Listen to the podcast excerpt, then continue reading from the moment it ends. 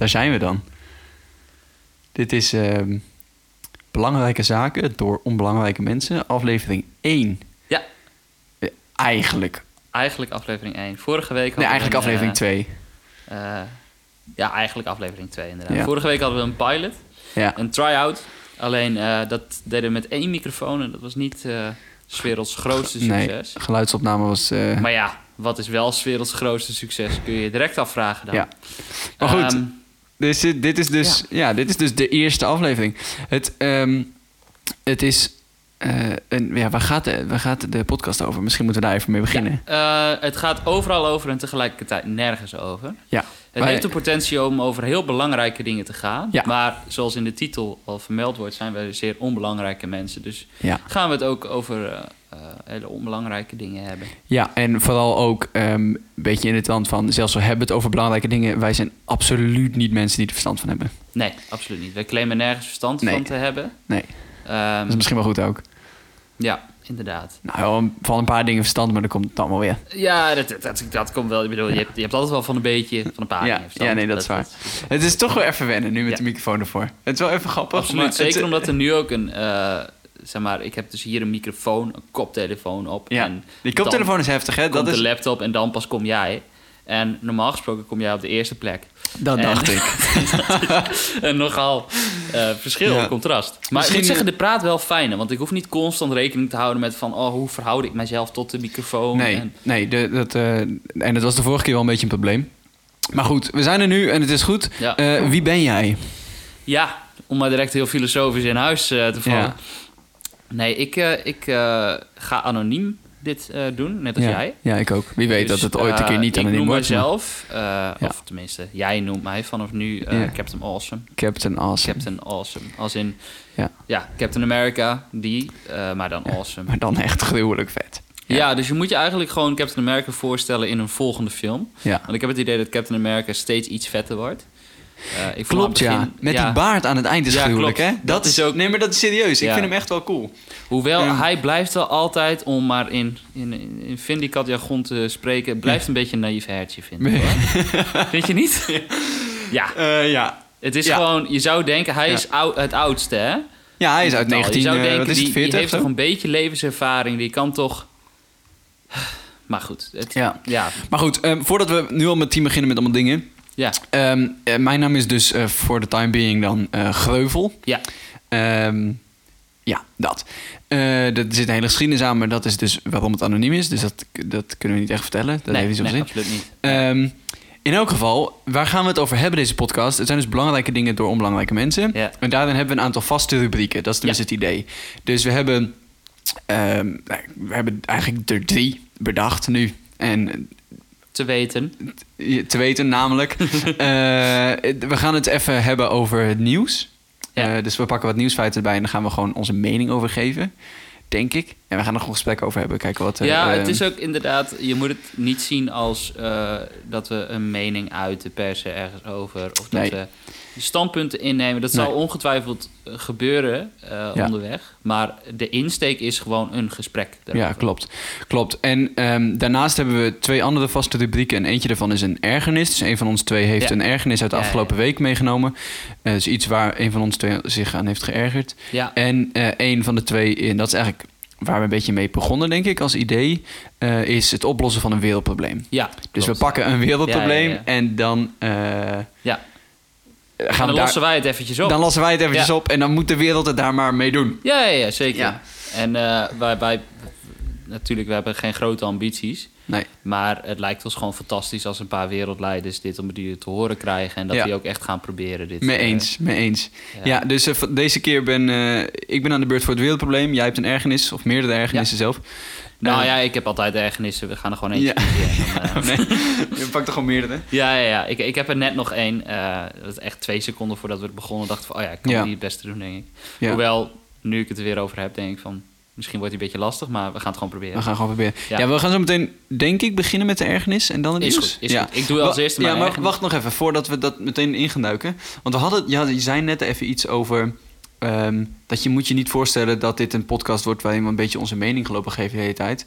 Eh, nou, dat, in, jawel, maar niet dat we... Het gaat niet om het maken van een standpunt. Nee. Ehm, misschien is dat nog wel handig voor... Kijk, we hebben het hier natuurlijk zelf wel over gehad... maar voor, degene, voor onze luisteraar, eh, voor Gert-Jan... eh, eh, ja, we Ik hebben... merk dat we grappig van vorige week gaan herhalen. Ja, maar dat maakt niet uit. Uit. conclusie, Gert-Jan is een klootzak. Gert-Jan is, ja, ja, en Gert-Jan is onze enige luisteraar. Dus Absoluut. mocht je toevallig Ja. Gert-Jan heten, ga alsjeblieft naar huis. In elk geval, ehm, wij zitten hier gewoon, eh, wij, wij kennen elkaar van eh, familie. Wij zijn eh, familie van elkaar. Ja. En we hebben wekelijks hebben we sowieso eigenlijk dat we gewoon elkaar, met elkaar afspreken en Mhm. eh, kletsen eigenlijk. Als het niet gewoon vaker bij- is. Ja, als het niet vaker is. In elk geval, we spreken elkaar regelmatig en we hadden ehm, eigenlijk zoiets van doordat we elkaar regelmatig spreken en we vinden onze eigen gesprekken gewoon echt zo ontzettend gruwelijk vet. Ja, we zijn fantastisch. ja. Ja. Ehm, ik hoop echt dat sarcasme overkomt over, ja, ik de, hoop het ook. over ja. de audio. Ik want- probeer er steeds een beetje soort van achteraan te lachen, zodat duidelijk is dat ik niet serieus Ja. over ben. Nou ja, maar in elk geval, ehm, we vinden onze eigen gesprekken wel benieuwd hoe dat klinkt als je het opneemt. Dus we gaan dat gewoon doen. En het is sowieso En- leek het al, ons al interessant om gewoon te kijken van... eh, nou, ja, dit gewoon op te nemen en, en, en daarna gewoon terug te luisteren. Om, om te kijken... Want ik had... Vorige week hebben we dus een Ja. try-out gedaan. En eh, die komt waarschijnlijk niet online. Maar, eh, Ik moet even kijken, maar ik denk het niet, nee. maar goed, eh, ik, ik had al heel erg veel lol om dat terug te luisteren. Om gewoon Ja. puur eens te kijken van... Oh ja, daar gingen we het over. Oh ja, en toen gingen we daarover.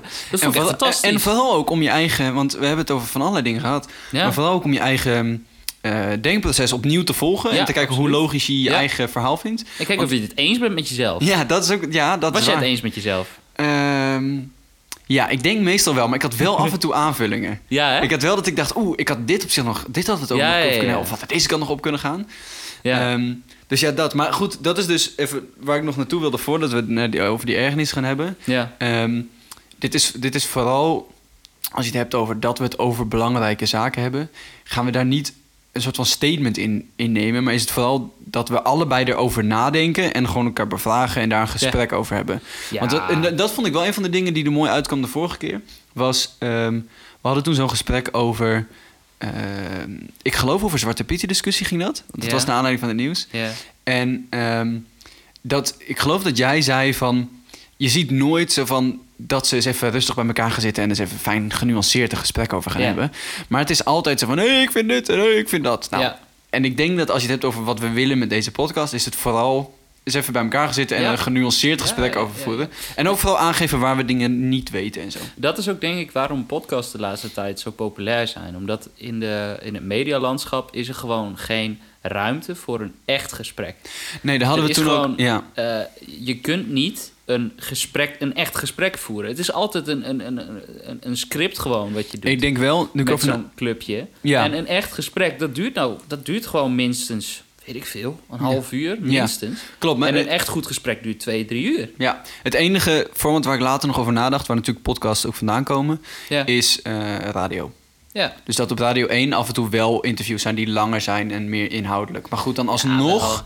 Ja. is het vaak zo voorbereid. Er zijn er zulke Mhm. specifieke vragen bedacht. Ook van we willen iemand een bepaalde kant op hebben over een bepaald onderwerp. Absoluut. Dus want je gaat het niet eens even met een paar Zwarte Pieten activisten hebben over ehm, gewoon iets anders. Ja. Zeg maar, je moet het dan met hun daarover hebben. Ja, ja. Want, nou ja, goed. En plus dat eigenlijk wil je het, eh, nou ja, filosofisch echt afbreken, iemand. Of, of wil je, nee, dat is verkeerd gezegd. Dan wil je echt Ja, tot wil een je... bepaalde kern komen. Ja, ja, Dan is het echt handig dat je gewoon de tijd neemt om het echt met iemand erover te hebben. Om echt Ja. gewoon de definities alleen al duidelijk te hebben. Van, joh, als je dat zegt, wat bedoel je daar dan mee? ja. En eh, dat je echt, want dan pas kun je echt iemands standpunt eh, begrijpen, denk ik. Klopt. En dan kun je het ook echt met iemand eens zijn of oneens zijn. Ja, vooral ook als je kijkt naar hoe onze gesprekken gaan, dan hebben we het vaak ook. We praten zeg maar terwijl we ook nog nadenken over onderwerpen. En soms dan kom je, kom je terug op iets wat je eerst zegt. Je denkt, ah nee, weet je, daar zeg je iets en dan Ja, nou, dat.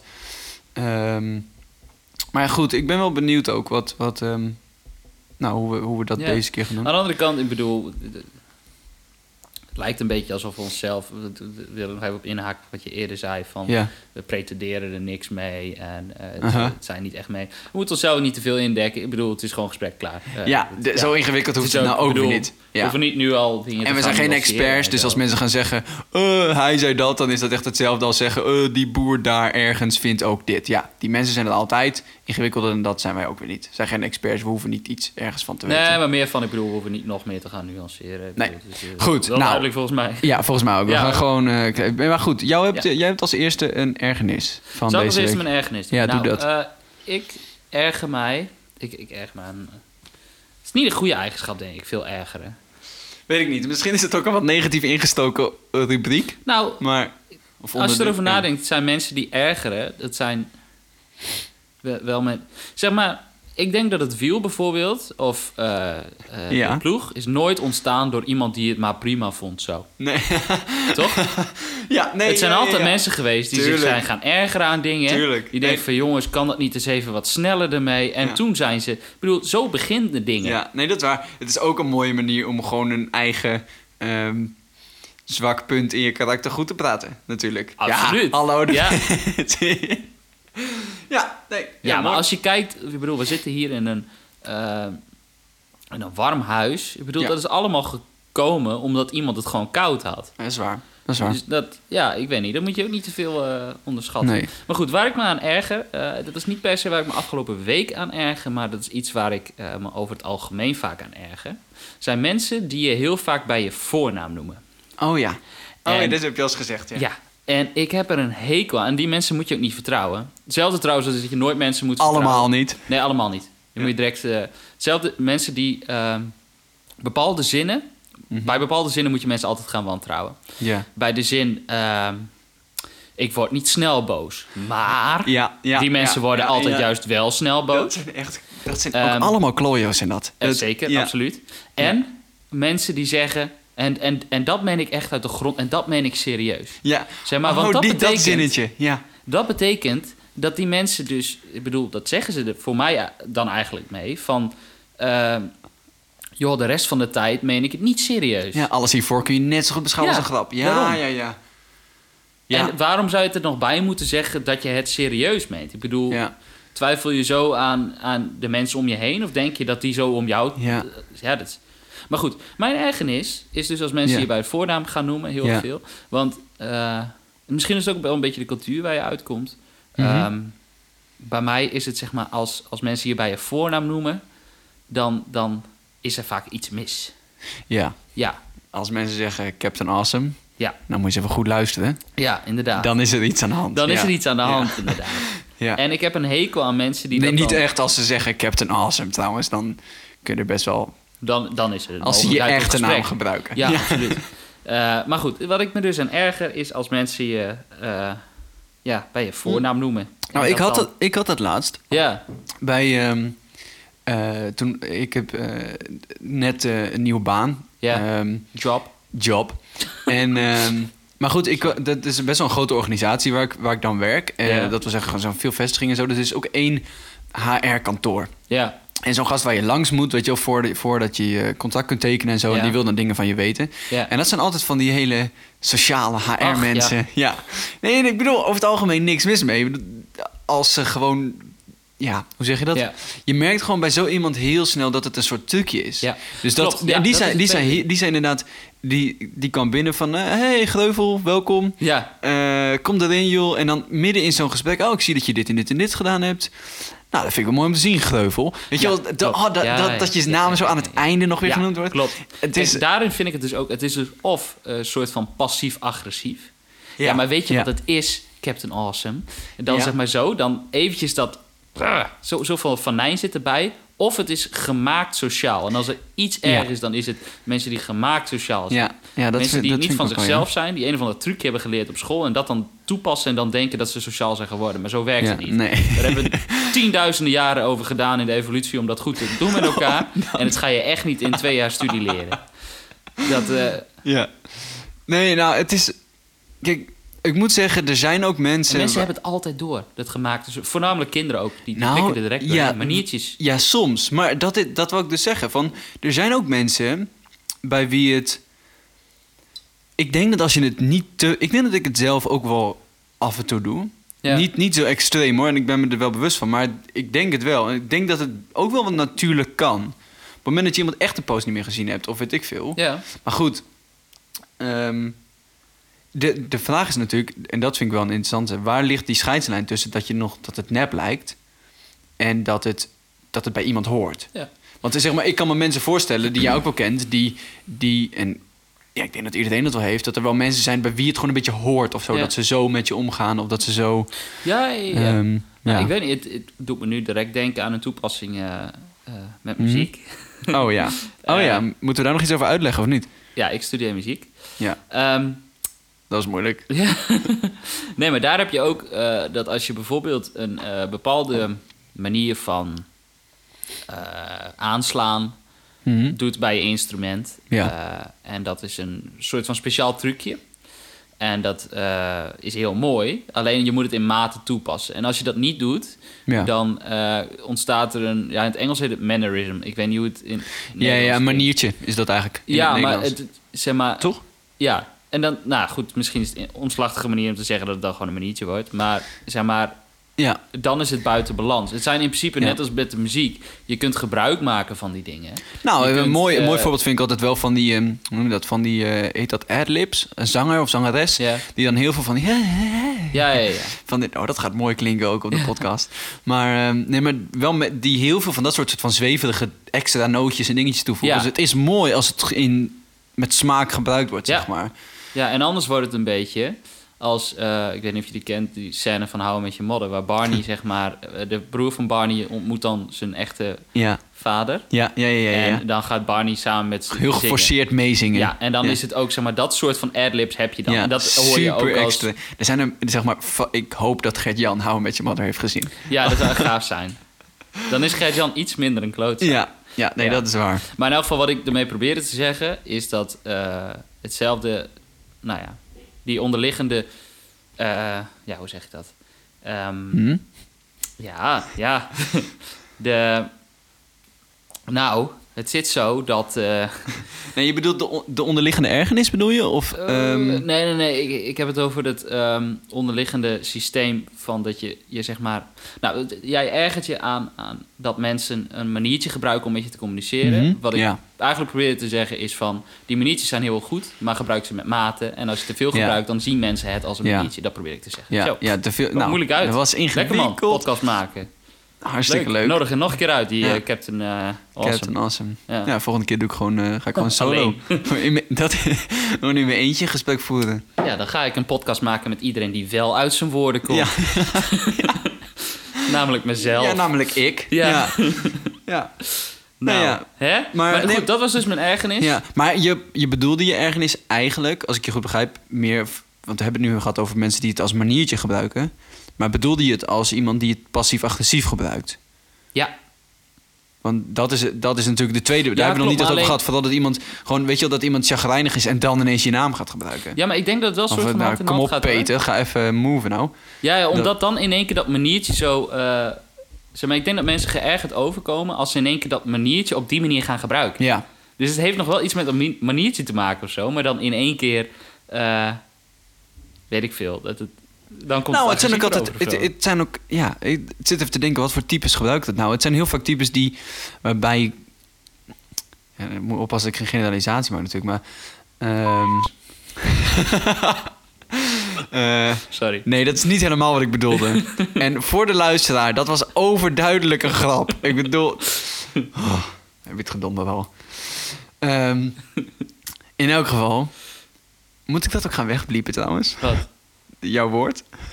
Oh, ik vond het wel grappig. Ja, nee, ik vind het ook wel grappig. Nee, in elk geval, ehm, het zijn over de, de mensen die, die dat, dat gebruiken, die je naam ineens gaan gebruiken ehm, uit het niks. Er zijn ook altijd mensen die voor je gevoel ineens iets te bewijzen hebben Ja. of zo. Weet je wel, als iemand zelfverzekerd is, ehm, Ja, dan, dan heeft hij niet, ook als hij ruzie met je heeft, heeft hij niet ineens de neiging om dat soort, soort van sneuwe tactiekjes te gaan gebruiken om, om Ja. eh, ja Om gelijk te halen of zo. Het zijn ook heel veel van die... Van die eh, ja, ja, een bepaald soort mensen inderdaad. Bijvoorbeeld, het, het doet me een beetje denken aan, aan die Marnix van Boer Zoekt Vrouw. Oh, ik, ik volg een vrouw oké. nu. Nou, weet je, dat soort type mensen die gewoon zeggen... Ja, maar weet, het, weet je wat het is, greuvel? Eh, eh, eh. Zeg maar, Ja. dat soort type. Ja, ja, die ook gewoon heel... Ja, Die sowieso hun woorden gebruiken om, om een beetje een soort van zichzelf te bewijzen constant. ik weet niet, het komt toch terug, denk ik... dat je een maniertje gebruikt die onecht is of zo. Wat je niet van jezelf hebt gedaan, maar dat op op Ja, maar dat, misschien is dat met, met alle maniertjes wel. Dat dat, nou goed, aan de andere kant, wij hebben vast ook maniertjes, maar... Ja, tuurlijk. Je, hebt, je hebt iedereen... Zeg maar, onze hele sociale stelsel wat wij hebben ontwikkeld in de westerse Ja. maatschappij... is gebaseerd op maniertjes die je doet en maniertjes die je niet Ja. doet. Ja, je kunt, wat dat betreft kun je best wel zeggen dat een democratie gewoon een maniertje is om met elkaar om te gaan. Eh, ja, ik had het over sociale structuur, maar Ja. democratie natuurlijk ook nou, maar dat is ook, ik bedoel, debat. En dat zijn ook maniertjes. En er zijn ook aanspreekvormen met de voorzitter Dat en weet ik veel. Absoluut. ja, maar ook niet afgesproken dingen natuurlijk. Hè? Dat zit altijd Ja, dat je elkaar niet constant uitscheldt. Zeg gewoon door, de, door alles heen. Nee, maar ik bedoel, ergens zou je natuurlijk het hele systeem van voornamen kunnen zien als een maniertje. Dat we hebben afgesproken, toch? Ja, ja dat is waar. Klopt. Eh, Maar goed, maar het zijn dus inderdaad wel vaak dat soort mensen die, die eh, voor je gevoel een beetje juist niet zo stevig in hun schoenen staan, die dat soort maniertjes gaan gebruiken.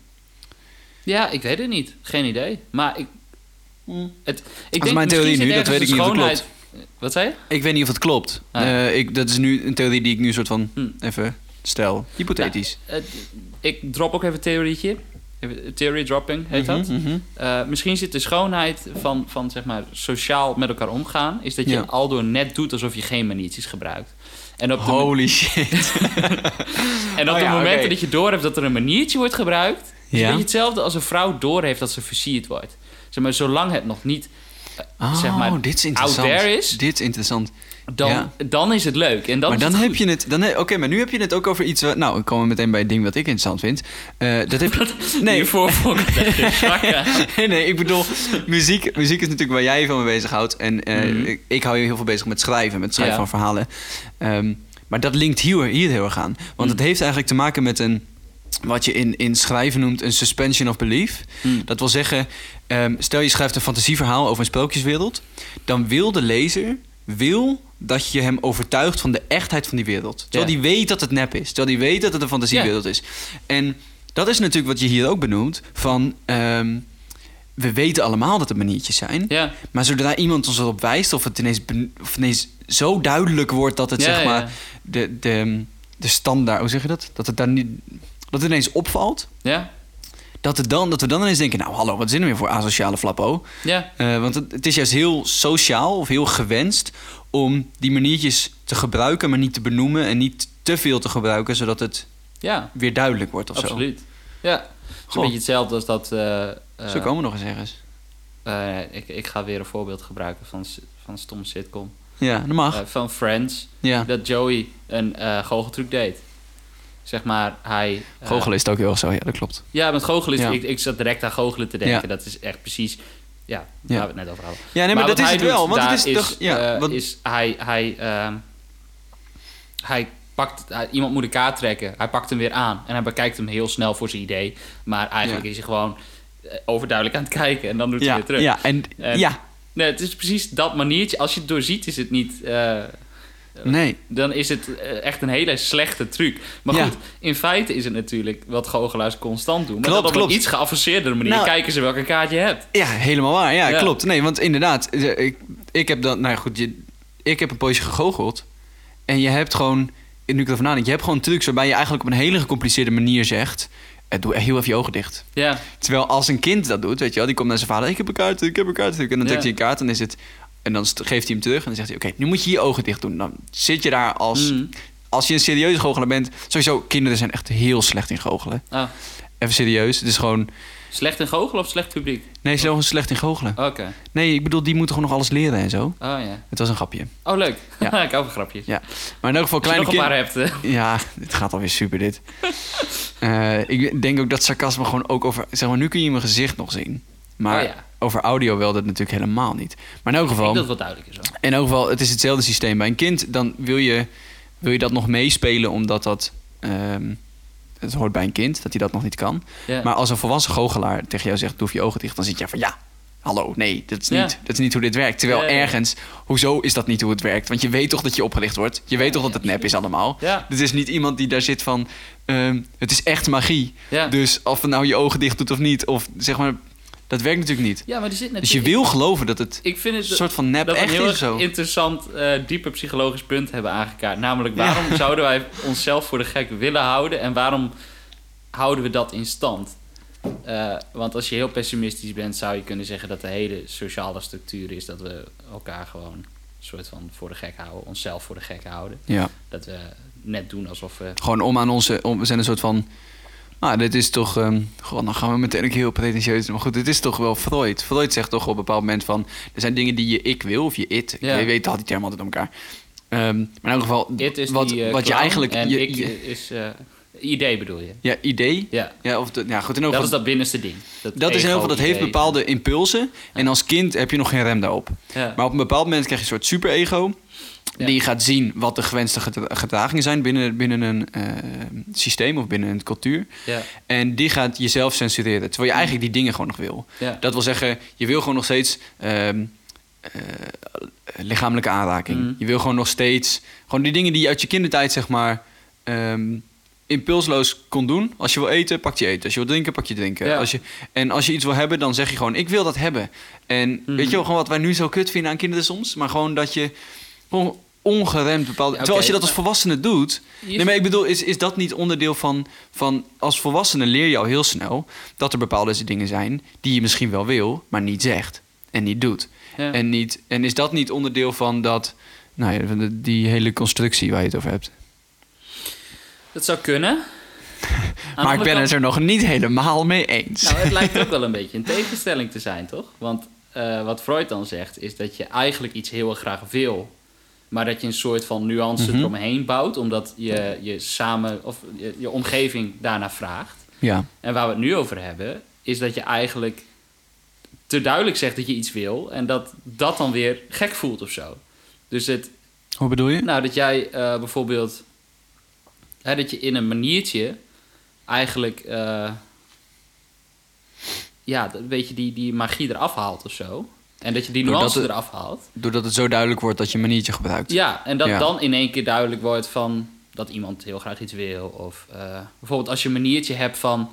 eh, je zit te eten en iemand komt langs en zegt van... oh, goh, wat ruikt dat lekker. Ja. Dan weet je, oh, wil je soms ook een hapje, Bert? Zeg maar dat. Eh, Ja. dat vinden we heel erg naar, omdat iemand dus niet letterlijk... Nee, het is het indirect communiceren. volgens eh, Freud dat dan misschien een hogere manier van communiceren zou zijn, toch? Dat je een... Nou, het is meer context. Kijk, dan heb je sowieso... Oké, je ja, komt sowieso meer... Ja, je komt sowieso meer in cultuurdingen terecht. Want zeg maar, wat de een fijn vindt, vindt de ander irritant. Ik bedoel, jij hebt de neiging om dat... In, of, eh, ik ook trouwens hoor, maar om dat... ehm, eh, irritant te vinden Ja. als iemand dat doet. Terwijl ik ken gezinnen waarbij dat de standaard is. En Ja. iedereen, zo, iedereen zo met elkaar omgaat. Dus wat is er dan Oh, mis mee, ook- zeg maar? Ja. Dus het is niet... Maar goed, dat zal per, per plek misschien Ja, verschillen per persoon. hier over hebben, denk ik, is het onderliggend principe dat je zeg maar van de eh, eh, cultuurnormen afwijkt eerder. Ja, Eh, want natuurlijk die, die, die normen die je hanteert per, Mhm. die per cultuur verschillend zijn. Ja. Ja, dat... Of, die zijn per, per cultuur verschillend, probeer ik te zeggen. Ja, nee, dat klopt. Dat klopt. Ehm, ik zit alleen even te denken hoe dat van toepassing is op wat, wat we net zeiden over dat. ehm, wat Freud zei. Nou, ik, ik, ik had het daarvoor... Ja, ik zei dat mensen graag voor de gek gehouden willen worden, blijkbaar. Ja, en, en ook Eh. dat, dat het. eh, En dat we niet dat eh, ding doorbreken of zo. ja, en dat we dus met z'n allen een beetje dat aan het creëren zijn constant. En dat die soort van. Nou, dat, dieper, dat dieper onderliggende punt wat jij maakte. Ja, nou, het is een beetje, volgens mij... zei Sartre dat ook, toch? Eh, Dit is echt, we zijn nu mensen aan het quoten alsof we dus dingen weten. ja, nee, dat is dus een filosoof. en Volgens Ja. mij, ik heb ooit in een filmpje gezien... Ja. dat hij eh, dingen ge- ook ging, zeg maar, hij ging dingen ontmantelen. Eh, Ja. En dingen die Oh, wij als iets... Bijvoorbeeld Mhm. een romantisch diner voor twee... dat schilderde hij dan als, zeg maar... je zit met twee mensen op hout... dat dan stoelen zijn. Ja. En je eet, van, eh, je eet dode dieren met elkaar. Van een stenen je, schotel. Ja, omdat Ja, je later met seks ijzeren staven, omdat je later seks wil hebben. Ja, ja, ja. ja, zeg maar, eh, zeg maar, op die manier, wij zijn als mensen geneigd om dingen magisch te maken. Of door, om, om extra ehm, betekenis te verlenen aan iets dat het niet per se, als je er heel klinisch zo naar kijkt, heeft. Nee, nee ja, want heel materialistisch gezien is dat wat er gebeurt. Terwijl alles wat er betreft aan, aan, aan context Ja, en wat wij erin leggen, dat is natuurlijk allemaal gewoon, dat speelt zich af in ons hoofd of zo. ja. Ja, dus dat is wel een. Maar ergens zit dus het ergernispuntje misschien wel. Ja, Dat als je in één keer doorhebt dat het niet meer is dan een materialistisch verlangen wat iemand heeft, bijvoorbeeld. Of dat je.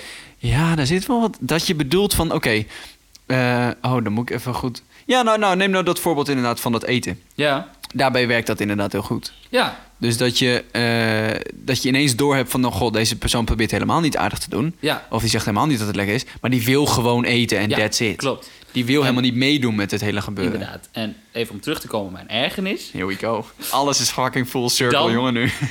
denk ik van als ik iemand eh, mijn naam hoor zeggen, dan denk ik van oké, je past nu een maniertje toe omdat Ja. je iets van mij gedaan wil krijgen. Of je Ja. bent geërgerd, Ja, of je eh, wil met me banden op een of andere manier, maar in elk geval dit is een maniertje die je toepast om iets te krijgen van mij. ja, En dan wordt eventjes dat superego van hem duidelijk en dan Ja.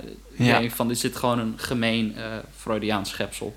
holy shit. dat, nou, we en zijn er. daarom erger ik aan mensen die mij bij me voornoemen. we zijn er. We hebben het gefixt. het we zijn eruit.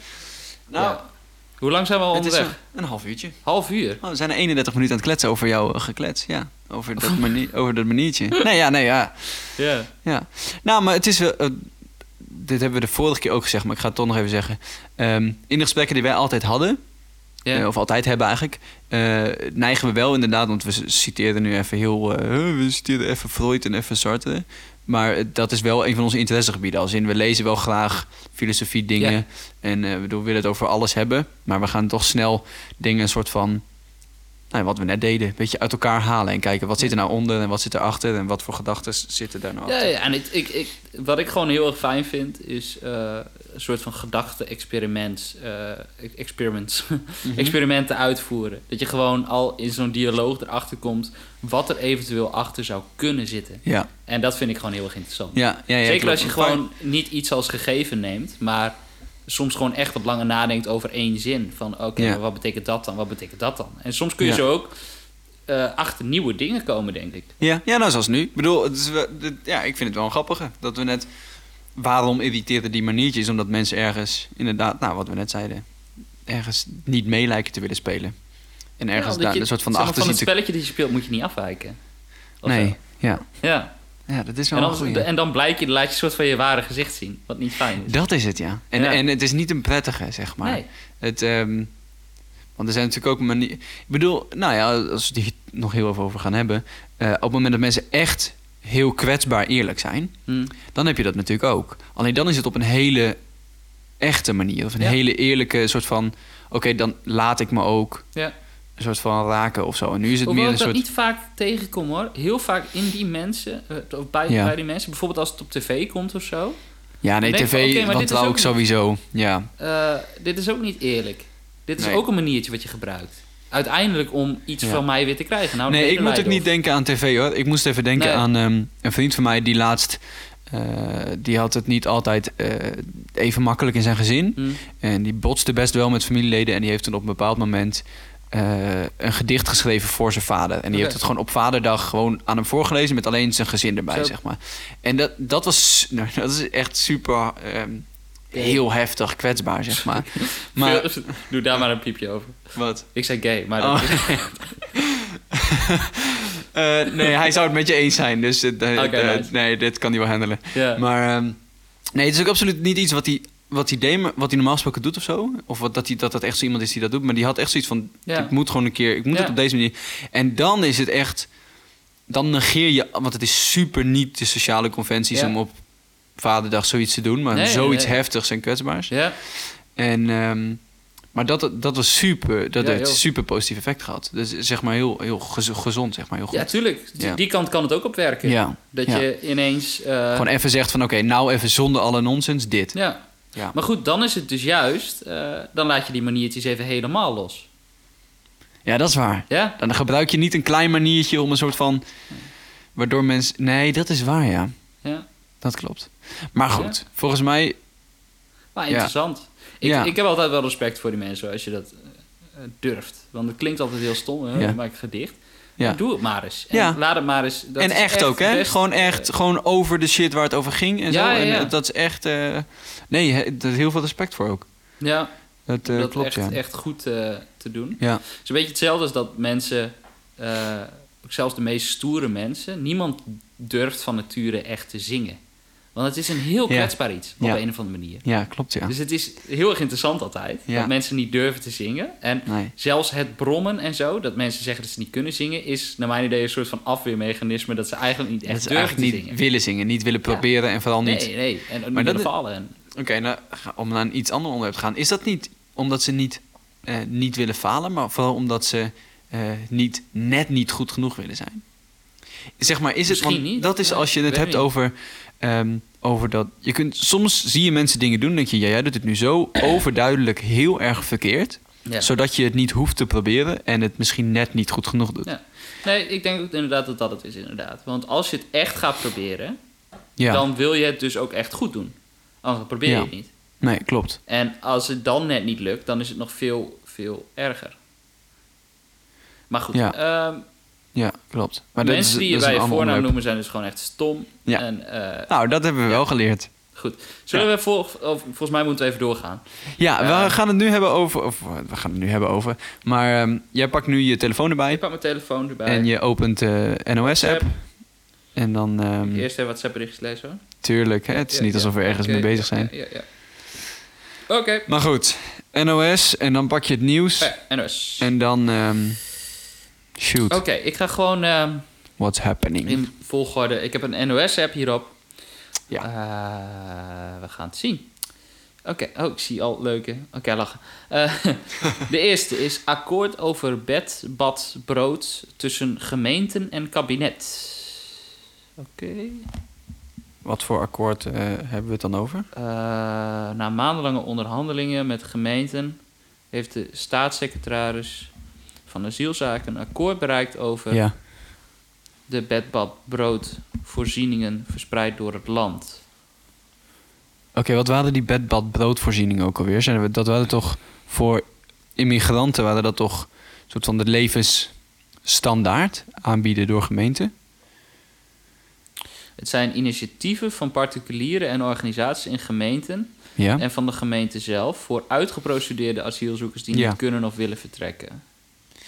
Ja, precies. Dus Ja. om die toch nog een een levensstandaard soort aan van te bieden. humanitaire zorg eigenlijk. Ja, een soort standaard, levensstandaard aanbieden. Een soort Ja. van minimum, zeg, bestaansminimum. Ja. Eh, Kijk, dit is natuurlijk wel iets heel, heel lastigs, want zeg maar gevoelsmatig en heel idealistisch zou je zeggen van nee, maar tuurlijk moeten die mensen dat krijgen. Hoezo verdienen wij dat wel en hen niet en zij niet? Eh, maar dat is natuurlijk praktisch heel erg lastig om vorm te geven. Zoiets. Nou, volgens, eh, ik ben benieuwd waar dat akkoord dan precies over is gegaan. Want is het niet, was het niet nu juist heel erg zo dat mensen dat een beetje op eigen initiatief deden en dat, dat ze dat eigenlijk wel wilden van de politiek, maar dat het nu een soort van, nou ja, iedereen, ieder voor zich dingetjes aan het doen was? Staat daar iets over of niet? Want volgens mij eh, waren dat Ik eerst. ben even aan het lezen. Ja, Eh, nee, de bed, bad, broodvoorzieningen zijn initiatieven zelf. De gemeenten willen hen niet op de straat laten staan. De regeringspartijen die verschillend over deze voorzieningen denken, bereikt bij het maken van het regeerakkoord een compromis. Op acht plaatsen in Nederland mogen de uitgeprocedeerde asielzoekers worden opgevangen voor maximaal twee maanden nadat de vreemdeling is af. Ik denk dat het compromis is, of de, het akkoord is over, eh, over ja, wat dat bed, brood, precies inhoudt en Ja. hoe lang mensen daar recht op hebben. en wie daarvoor gaat betalen ook. Ja, Of eh, tenminste, komt dat vanuit de landelijke politiek? Of... mhm. Maar goed, wat, ja, wat valt daarover te zeggen? Het is wel, het is wel een, ja, het is wel goed, denk ik. ja, Maar wel interessant ergens dat eh, zo'n akkoord er nu is. ja, Terwijl de grote vluchtelingenstroom, die was van 2015, 16, zoiets. Volgens mij Dus wel. Pak Ja. een beetje twee, drie jaar geleden. Dus zo Ja. lang heeft de politiek in, in alle moeilijke eh, organisatorische Gebeuren. gebeuren... heeft Ja. de politiek dus nodig om daadwerkelijk met zo'n akkoord te komen. Om iets te vinden over het bestaansminimum Mhm. van, eh, van mensen of zo. En het eens te worden over eh, Ja. het hoe en wat van het verhaal. ja, precies. Dat vind ik wel interessant. Dat, dat blijkbaar, dat duurt dan best wel lang. Ja, politieke besluitvorming gaat sowieso heel traag, toch? Ik bedoel, Ja. ehm, dat zijn Maar toch sowieso... vind ik het ook altijd wel goed. Zeg maar, want als nou ja, als het te snel zou kunnen, zijn, ja. eh, dan worden er ook gewoon met heel veel zaken en mensen rekening gehouden. Zo Nou, kijk, is weet je, het is, het is het hele idee van bureaucratie, hoe traag het soms is, Ja. is het probeert iedereen gelijk te behandelen. ja, Omdat het gewoon niet op basis gaat van wie je toevallig spreekt, zoals in Afrikaanse corrupte landjes, dat je zeg maar, oh ja, dat is mijn oom, dus ik kom er wel goed vanaf. ja. Ehm, maar op basis van gewoon regels die we met z'n Ja, allen hebben afgesproken, die zijn vastgelegd. Sterker nog, als Ja. zoiets heel snel zou kunnen, eh, als bepaalde regeerakkoorden heel snel doorheen gedrukt Ja. zou kunnen worden, Ja, eh, dat zou toch juist een best wel kwalijke zaak zijn soms. ja. Ja, dat klopt. Soms is er misschien ook, moet het versneld worden, proces. Ja. Maar goed, dat vindt dan één partij en de andere partij vindt dan weer van niet. Dus dat maakt het heel lastig Ja. natuurlijk. Ja, dat is waar. En Ja. helemaal op basis of op, op nou, ik, ik wil niet zeggen typisch linkse onderwerpen, maar wel op dat soort onderwerpen willen heel vaak de linkse partijen dat er snel wordt gehandeld. Ja. En dat de overheid zich er meteen mee gaat bemoeien. ja, maar dat is ook soms denk ik een manier van zeggen eh, om het belang nog eens aan te kaarten. Zo Ja. nee, maar dit moet echt heel snel gebeuren. En daarmee zeg je eigenlijk van, eh, het is echt heel belangrijk wat ik zeg. Ja, Ehm, ja, ja, dat, dat dat, een ja, dat klopt wel, ja. Ja. Maar goed, ja, ik kan er verder niet zoveel over zeggen Nee, eigenlijk. hoeft er niet, joh. het Dat is, is maar ja. één dingetje. Eh, volgende, Black Friday. dat vind ik interessant. Oh, dat, die hele Amerikaanse gekte is dat. Eh, nou, nu ook een beetje in Nederland hoor. Ja, ik ik vind best wel dat- veel dingen in de stad ik vind ook. dat wel best wel bullshit. Ik bedoel, het, het, niet alleen Black Friday, hoor, maar ook Halloween ineens. Ja, klopt. Weet je, gewoon echt de Amerikaanse dingen. Oh, dat land is de shit, dus we gaan alles importeren wat ze hebben. Inclusief hun feesten. Gaan we straks ook allemaal cadeautjes geven met kerst en zo. Ja. Ik bedoel, ik wil dit niet... Independence Day vieren? Of, Ja, eh, ja. ja? Nee, maar ik wil dit niet... Thanksgiving? ehm, ik bedoel, ik ben heel erg tegen het hellend vlak idee, of het hellend vlak argument. Ik vind het echt stront als mensen zeggen, oh, maar dan gaan we straks zeker ook. Pff, dat, Ja. zeg maar, dat is altijd onzin. Maar, want dat hoeft helemaal niet. Nee. Maar, ehm, maar het, eh, gewoon als ik kijk over de afgelopen tijd, we, ja, het is wel een beetje... Terwijl ik denk, dit is toch juist het moment dat we met z'n allen moeten denken, goh, misschien moeten we ons helemaal niet zo laten inspireren door Amerika. toch? Ja. Nee, maar, ja, maar dit is, en dat is eh, wel grappig. Het, het zijn volgens mij niet, het wordt niet per se vanuit de community overgenomen. nee. Maar het zijn winkels die dit soort dingen doen. dat is waar. Dat, Hetzelfde geldt voor Halloween en vijf, Ja. Valentijnsdag. Falen hetzelfde Dat verhaal. was ook niet een Nederlands ding volgens mij. Nee, klopt. Is het nog steeds bij heel veel mensen niet hoor. Maar ja, Maar goed, dat wordt helemaal eh, overgenomen, denk ik, Ja. meer door mensen die de winst uit kunnen halen. ja dat, is, dat is en ergens, ik bedoel, neem het eens kwalijk. Ja, die kunnen gewoon geld verdienen natuurlijk. Ja, maar ik snap niet zozeer dat ze dit dan overnemen. Want ik, ik heb Black Friday, in de naam staat het al, ik heb het altijd ervaren als een negatief iets. Ja, Waarom, gewoon door, ja, weet ik niet. Ja, het, het, wat het is er mis met Blue Monday? het is, Blue Monday is toch de meest depressieve maandag van het jaar. Oh ja, sorry. Eh, wat is er mis met eh, er is blijkbaar best wel veel mis met die maandag. ja, Green Wednesday? Green Wednesday. Ja, weet ik niet. Het, ik weet het niet. Het, het, wat bij mij in mijn hoofd dat het opkomt, is dat het er zwart ziet van de mensen. Dat is een beetje de gedachte. Ja, maar dat vind ik ook eng. Dat Gewoon dat het zo druk is. Ja, Ja. zwart ziet van de mensen. Dat zorg ik dat ik ergens anders ben. Nou, ik hou ook niet van die gigantische... Het is het menigtes. Maar goed, het, het hele idee is toch dat het zeg maar... Een vrijdag korting is overal. Een bepaalde vrijdag is het overal Ja, korting. ik zie eh 50% off. Hier sta- er staat Black Friday. Echt goede deals of consumentenbedrog? En? De Wat is conclusie. Dan ben ik wel nieuwsgierig. Want eh, ik denk dat het voor een deel... in Nederland lijkt het tot nu toe allemaal mee te vallen met de nep-aanbiedingen. Ja, Want daarvoor gaat het denk ik heel lang over nep-aanbiedingen en dat soort dingen. Maar dat Ja. betekent niet dat consument, consumenten niet op hun hoede moeten zijn. Nou, oké. leuk genuanceerd weer, NOS. Wel worden er slimme trucjes uitgehaald om aanbiedingen extra mooi te maken. Ja, maar dat doen ze altijd, toch? Dat doen mensen altijd. Ja. Dat ja, ik echt- heb natuurlijk... Ik, ja. Ja. het, ik weet niet of we het daarover willen hebben, maar ik, had, ik heb natuurlijk communicatieopleiding gedaan. Dus Daar, ik daar wil ik het liever niet over hebben. Nee, Ik bedoel, daar was dat is een zwarte voor. bladzijde uit jouw geschiedenis. Ja. Nee, maar, maar dat, dat zit wel heel veel marketing bij in. En ik vind marketing altijd, ja, zeg maar hoe goed het ook kan werken. Het, ik vind het, laat ik het zo zeggen. Wij hadden op een bepaald moment hadden wij het vak ethiek Ja, op een marketingopleiding. oké. En dat vond ik gewoon een grappig gegeven. Weet je, gewoon dat hele idee vond ik gewoon wel geinig. Ik denk, Ja, goh, ja, aan de ene kant ben je dus gewoon techniek aan het leren om mensen zo effectief mogelijk shit aan te smeren die ze helemaal niet willen. Sterker nog, dat eh, te kop, nou, de standaard Coca-Cola-formule. We koppelen een goede tijd met zon, met veel Ja. vrienden. Ja, en ja. dat gevoel van gezellig en zomer en met vrienden, dat iedereen wel wil. En dat koppelen we dan in iets wat je totaal niet nodig hebt. Namelijk dit flesje met zwarte rotzooi. En ja. nee, maar dat hele principe werd niet bevraagd bij ethiek. Er werd alleen Nee. bij het vak ethiek op onze opleiding werd gekeken naar... ehm, wat kun je in een reclameuiting wel en niet maken. Ja, ja, ja. Dus hoe, Wanneer schokkend, hoe schokkend kun je... Ja, terwijl ik dacht, ja, maar moet je niet het hele nut van deze... van, eh, van de hele opleiding... of Ja, nou, niet de opleiding, bedoel, dus je kunt er meerdere kanten mee op. Bedoel, als je goede marketingtechnieken toepast... op bij wijze van spreken een goed doel, Ja. is niet erg. Maar... Ja, en ehm, soms is het ook gewoon iets dat heel erg gaaf is in kaart brengen, hè? Ja, Ik bedoel, want als ik een concert geef, dan moet daar ook marketing bij komen ja, dat is waar. kijken. En, dan wil je ook een gevoel neerzetten. En je- niet alleen maar feitelijk vertellen: dit is er dan aan de hand. En kijk ja, maar of en je ik komt. wil ook, zeg maar, ik, ik ben juist dan met marketing een beetje voorzichtig dat je jezelf niet gaat overcellen, zeg maar. Zo van, Ja, ja, ja. oh, deze is fantastisch zo. Maar het is eigenlijk, wil je, ook met je product wat je levert uiteindelijk, sta je er best, ik denk dat muzikanten er best zuiver in staan. Ze willen, Ja, ik bedoel, het zal ook gedeeltelijk voor hunzelf gaan natuurlijk, maar... ja. Nou, je moet sowieso niet muzikant worden. Ja, je moet sowieso niet muzikant worden om er knetterrijk van te worden. Nee, dat is ook zo. Die Ehm. mensen staan er misschien al iets idealistischer in, willen ze ervan leven. Ja, die, ja. Ehm, maar goed, dan heb je marketing, is het, is het meer gewoon, wordt het als middel gebruikt. Als, Ja. als, maar niet... Nou, het gaat me meer over massamarketing Ja, dan, denk ik. Of over grote concerns, weet je wel. Ja. Die, die er zo onwaarschijnlijk veel geld tegenaan smijten... om Dus- zo'n super smooth spotje te maken, weet je Ja. wel. Maar het is wel grappig wat je net zei, want ik heb wel eens een keer... Ik heb, ik heb een boek gelezen eh, over... eh, ja, wat was dat?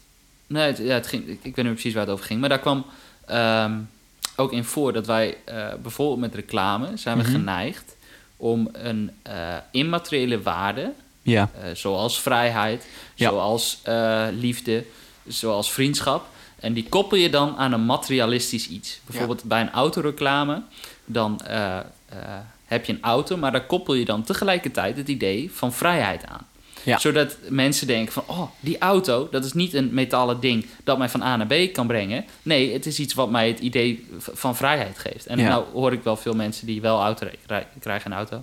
Maar Ja. mensen die wel auto rijden, ja. Dat ik wou net zeggen, misschien is. moet je eerst je rijbewijs halen... om hier echt iets zinnigs over kunnen zeggen. Eh, Nou ja, er zijn genoeg andere voorbeelden te, te, verzinnen natuurlijk. Was Ja. weer een grap, hè? Ja, dat was weer een grap, Eh, ja. Leuk. Nee, Eh, maar... maar eh, bijvoorbeeld met bierreclames is het precies hetzelfde. Zeg maar, Nee, daar heb ik geen verstand van. nodig met je vriendschap. Ja. Ja. Ja, dat klopt, ja. Maar goed, zo, zo worden er dus... En eh, vooral ook dat authentieke, hè? dat gevoel van ambacht en het gevoel Mhm. van, van echtheid. En van, Ja. oh, ik wil wel een biertje wat gemaakt is door zo'n meneer in zijn eigen eh, ding... wat al 200 jaar van, van, van vader op vader op, of van Ja, vader op zoon, ja. van vader op zoon eh, doorgaat. Die, dat hele gevoel van echtheid, dat Mhm. wil ik ook. Dus ik drink blah, dit bier. Merk van het merk blah. ja, klopt, ja. Ja. Ja, nee, dat, Ja. Is, dat is wel hoe heel veel marketing werkt. En dat vind ik dus best wel discutabel. Eigenlijk zou je daar best over kunnen hebben in, in hoeveel dingen wat mag. Maar als, als, als dat al discutabel is, is Black Friday dan echt de top? Ja, misschien of wel. is het eigenlijk recht voor zijn raap Black en Friday, eerlijker? het is een geldimpuls. Dus het, is, het kost nu het is- minder voor meer. Zeg is- maar, je bent minder geld kwijt als consument. Dat is het idee tenminste. En daarom kopen ze meer. Ja, maar is het ook niet eerlijkere reclame? Het is gewoon 50% korting, klaar. Er wordt niet bijgezegd van, Ja. ja. als je dit product koopt, dan gaat je leven Nee, en ze gaan ook niet het, en ze, nee, klopt. En ze gaan ook niet het gevoel van Black Friday verkopen. Nee, Ze, terwijl dat met een bepaald merk vaak wel gebeurt. Weet je, als die, die Coca-Cola spotjes altijd voor bioscoopfilms en zo. ja, Ehm, daar hebben ze het heel duidelijk een soort, inderdaad, zo'n immateriële waarde of een bepaald gevoel ja. wat ze verkopen. Ehm, Dat is wel grappig. Stel, we zouden dit ontleden. Als in, Ja. eh, waarom zouden, eh, zouden bij marketingopleidingen... waarom zouden worden geleerd van... nee, je moet het gevoel erbij verkopen? Waarom zou er niet worden geleerd van... eh, bijvoorbeeld bij cola... dat je zegt van... joh, er zit suiker in, daar krijg je energie van... en het is fucking lekker en... eh, ja, gewoon heel eerlijk. ja, recht voor gewoon precies raap. op zo'n soort wat er gebeurt als je dit gebruikt. Van, eh, ja, dit gebeurt er dan en daarom is het zo fijn. Waarom is daarbij recht voor zijn raap dan verkeerd? Is is dat niet weer omdat verkeerd. we behoefte Nee, nee. hebben aan die maniertjes? Nee, Of- het is niet verkeerd. Alleen het is gewoon... Nee, dit... Dit heeft niet, denk ik niet zoveel te maken hebben met dat mensen voor de gek gehouden willen worden. Als meer dat dit is gewoon de meest effectieve manier om geld te verdienen. Ja, En bij geld is het gewoon, dat is sowieso... Dan gaan in elk geval de moraal van heel veel mensen gaat gewoon op de schop. ja. Oh, als we er geld mee kunnen verdienen, oh, dan kijken we wel even hoe handig het nog is om een bepaalde moraal op na te houden. ja. En nou, dat heb je natuurlijk in extreme, maar ook wel in mindere mate. Zeg maar. Het, het, eh, Wat zou je dan een extreem noemen op dit gebied? Een extreem is Apple bijvoorbeeld in bepaalde fabrieken waar mensen zelfmoord plegen. In de fabrieken van Apple. Ja. Dat hebben we er maar voor over, zodat we geld kunnen verdienen. Waarom Als bedrijf. plegen die mensen zelfmoord dan? Omdat de omstandigheden zo slecht waren. Ik weet niet of dat nog steeds zo is, maar dat, is, dat was in elk geval op een bepaald moment zo. En ehm, ik bedoel meer van, dat gaat meer over het algemene principe, hè, dat op het moment dat er geld in het spel is, dat de moraal op de schop gaat. Er zijn gewoon een heel aantal aandeelhouders die gewoon het alleen maar hebben over het maximaliseren van de winst Ja, en het minimaliseren van de kosten. ja. En kosten zijn onder andere arbeidsvoorwaarden voor, Ja, ja, voor nou, dus daar gaan minder kosten heen, dus shit. En dat is natuurlijk een extreem. Mhm. Maar ehm, op een hele kleine schaal. Ehm, Nou, ik bedoelde eigenlijk een extreem op het gebied van dat je extreem voor de gek wordt gehouden met reclame. nou, ik vind die van Coca-Cola vind ik wel een goede altijd. Ja. Want het is wel een heel duidelijke. Want die, die, dat is zo duidelijk. Het, het heeft zo duidelijk niks te maken met of je, welke vloeistof jij in je lichaam giet. Met of je veel vrienden hebt en op een strand leeft. Ik bedoel, dat is echt zo niet. Ja. Het heeft niks met elkaar te maken. Nee, want bier is op zich wel iets dat je vaak drinkt met je vrienden. Ik bedoel, Klopt, en ze er zijn ook verkopen... alcoholisten en alles, maar heel Ja. vaak is ook eh, bier een gezelligheidsdrankje. Dus he- heel erg, ze slaan spelen- heel de plank mis. Nee, daar spelen ze ook heel erg op in. Ehm, maar het... Ja, misschien is... Ik zit er te denken of ik nog een, nog een explicieter voorbeeld heb. Maar het is in elk geval niet... Kijk, ze willen je een valse voorstelling... En dat is het meer. Ze willen een valse voorstelling doen van het resultaat. Het lijkt alsof het resultaat is... Ga dit drinken en dan krijg je zo'n chille situatie. Terwijl het eerder is... De kans dat je dit drinkt in zo'n situatie is aanwezig. ja, ja. Eh, Ze draaien eigenlijk het spelletje om. ja, en vooral Ja. met als resultaat... Koop dit. Zeg maar, dat is het koop constant. Dit, want dan heb je dat met je vrienden. Ja, daar lijkt het Of soms dan op. krijg je vrienden, kan ook. Dan krijg je vrienden. Ja, terwijl aan de andere kant, zo dom zijn mensen nou ook weer niet. Mensen weten heus wel dat dat niet zo is. Maar het is wel... Het, het is niemand die, die ja zegt op de vraag... denk je dat je vrienden krijgt als je cola drinkt? Tuurlijk niet. Nee, maar ik heb wel eh, een soort van ik, iets in mijn hoofd dat ik bij Coca-Cola denk ik van, oh ja, dat moet ik kopen in plaats van al die andere. Ja, en niet Eh. bij Highway Cola. Nee, Of heet dat? Freeway. geen idee. Maar dat is ook, als ik dat al zou hebben, is dat alleen omdat ze eh, het, omdat het blikje heel veel op die van Coca-Cola lijkt, Ja. denk ik. Ja, en dan is Eh. ook de... Maar goed, dan heb je het... Oké. Dan heb je het sowieso over wat... wel een idee in je hoofd. Ja, maar dan heb je het sowieso over... Ik weet het namelijk niet zo goed. Ik heb wel die opleiding gedaan over marketing en zo. Maar je hebt het sowieso over... ehm, hoe effectief is marketing eigenlijk? En vooral massamarketing. Er zijn heel veel theorieën over. Van de hele... De alleroudste theorie is de... Dat heette dan de injectienaaltheorie. Ja, Dat wil zeggen, ik geef jou informatie en jij neemt dat probleemloos op. Hm. Dus ik, als een soort injectienaald geef ik je informatie en jij accepteert dat volledig. Nou, dat, daar zijn we wel een beetje van teruggekomen. Dat klopt Mhm. natuurlijk niet. Er zit ook soms een kritisch... Nou, het feit dat wij het er nu over hebben... zegt al dat we het er niet helemaal mee eens zijn. mhm. Nou, dan heb je nog een theorie. Dat is een soort tweetraps ding. Dat wil zeggen dat als jij een... Dat wordt wel gebruikt in marketing ook veel. Dat als jij een influencer hebt... Mhm. Ehm, dus iemand die bijvoorbeeld een blog heeft... ja, en je weet het aan die persoon te verkopen, Ja. dan verkoopt die persoon het automatisch wel aan zijn volgers, zeg maar. Ja, ja. Dat is een eentje. Dus dan gaat het meer in, in twee stappen. Dus hoef je ook minder in- mensen te overtuigen. Als wij hardop zeggen dat we Heineken bier drinken... dan is de kans groot dat Gert-Jan ook Heineken bier Maar Gert-Jan is sowieso heel erg beïnvloedbaar. Ja, dat klopt. Ja. Dit dat is... wel zo, dat moeten we misschien even bij zeggen. Van, joh, Gert-Jan, Ja. ehm, alles goed en wel... maar je moet niet alles gaan, ze- gaan serieus nemen wat we zeggen. En je Nee. moet niet alles gaan doen wat we zeggen. nee, Eh, maar dat was even niet. specifiek aan Gert-Jan gericht. Aan onze Ja. e- enige luisteraar. Gert. precies. Maar ga vooral verder met je punt. Het was zo interessant. Nou, dat weet ik niet meer. Oh ja, nou goed, dat is dus die twee traps. Ja, En ik denk dat het meest recente en ook de meest accurate, denk ik, is eh, de netwerktheorie. Hm. Dat wil zeggen, dat heeft ook veel meer te maken met de hele opkomst van social media. ja, Iedereen leeft in zijn eigen netwerk, beïnvloedt zijn eigen mensen. ja. Dus er wordt steeds meer ingezoomd op kleine netwerken die specifiek getarget worden. Hm. Eh, en ervan uitgaan dat, nou, dat hele gedachte, die hele gedachte van dat je met zes personen in verbinding staat met elke persoon op aarde. Ja, ja. Dus als je zes stappen van hoeft te doen van mensen die je kent. Ik ken iemand die iemand kent, die iemand kent, die Ja. iemand kent, die iemand kent, die iemand kent, die Obama kent. ja. Ehm, dus op die manier heb je zo'n netwerk. En je kunt dat Ja. uittekenen in, in gewoon allemaal, weet je, woordwebjes die aan elkaar Ja, ja, aangekoppeld zijn. En dat is Daarom dan werd ook... eh, de mensheid. Tenminste, had ik toen gehoord over Facebook... dat er heel, gede- eh, ge- ge- heel specifiek werd er getarget op die groepen. Ja. Dat er, ja, een groep was mensen die waarschijnlijk geen Mazda gaan kopen. Of, Ja, een groep was mensen die snorren hebben, alleen dan alleen in een bepaalde maand. ja, Weet je, dat is dan één groep. Ja, nou goed, daar nog los van, maar het. het ehm, hoe kwamen we hierbij? Dat, we hadden het over die, werkt marketing of niet? Dat, die gedachte. En Oh, dat, ja, ja, dat, en dat Nee, weet dat ik. heb ik sowieso... eh, maar dat weet ik nog over steeds niet, zeg maar. Als je het hebt over die, waarom jij dat Coca-Cola blikje pakt, dan weet ik niet. Want het heeft ook, soms heeft het niet, helemaal niks te maken met marketing. Nee. Maar is het gewoon dat je op dat moment laag kijkt en niet hoog. En hij staat toevallig laag, dus je pakt die. Snap ja, je? en het kan ook zijn dat gewoon eh, het toevallig werkte omdat het werkte. Als in eh, één iemand ging het gewoon toevallig kopen en zo werd het populairder. En nu Ja. koopt een hele grote groep mensen het altijd. Ja. En eh, ja, omdat die Ja. grote groep mensen dat doet, doe jij het ook. Maar dat betekent helemaal niet dat hun marketing in eerste instantie zo ontzettend goed was. Het is Nee. gewoon, misschien hebben ze gewoon geluk gehad dat het is opgevangen. Ja. Beetje Nou, hetzelfde als muziek die toevallig populair is. Ik toch? denk dat, dat heel veel dingen wel te maken hebben met geluk of met, met dat het toevallig zo gelopen is of zo. Want op een of andere manier heb ik eh, altijd als ik een marketing dingetje zie, bijvoorbeeld een reclame die grappig zou moeten zijn. Ja, Er zijn echt maar weinig reclames waarvan ik denk van joh, dat is echt goed gedaan. De- Klopt. Ze zijn altijd, zitten ze er net naast. Volgens mij zijn het net Ja. die mensen die niet populair waren op school die dan de marketing in. Die net niet dit soort sociale constructies door hadden. Eh, ja dank je. Maar, ehm, Communicatie is iets anders. ja. Nee.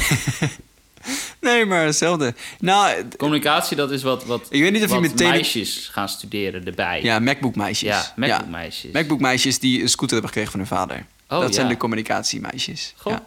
Dat zijn de mensen die ik veel tegenkwam. Grappig. Ja. Ja. Maar in elk geval, ik weet niet of er zo'n directe link is. Als wat jij nu net zegt. Hm. Maar ehm, Nee, dat betwijfel ik ook. Ja. Gert-Jan zal het wel weten. ik bedoel maar. Gert-Jan, voorgaan op... laat het in de comments. Zou ik nog Nou, even één puntje pakken weet je, hieruit? ja, Even weet je wat we doen? Weet je wat we doen? Nee, Ik ga even naar de wc.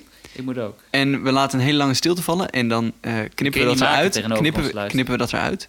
Oh, wat handig. Ja, en dan zeg maar, wij gaan nu heel lang niks doen. En dan klinkt het daar ineens alsof we nu verder gaan met het gesprek. Nee, nu.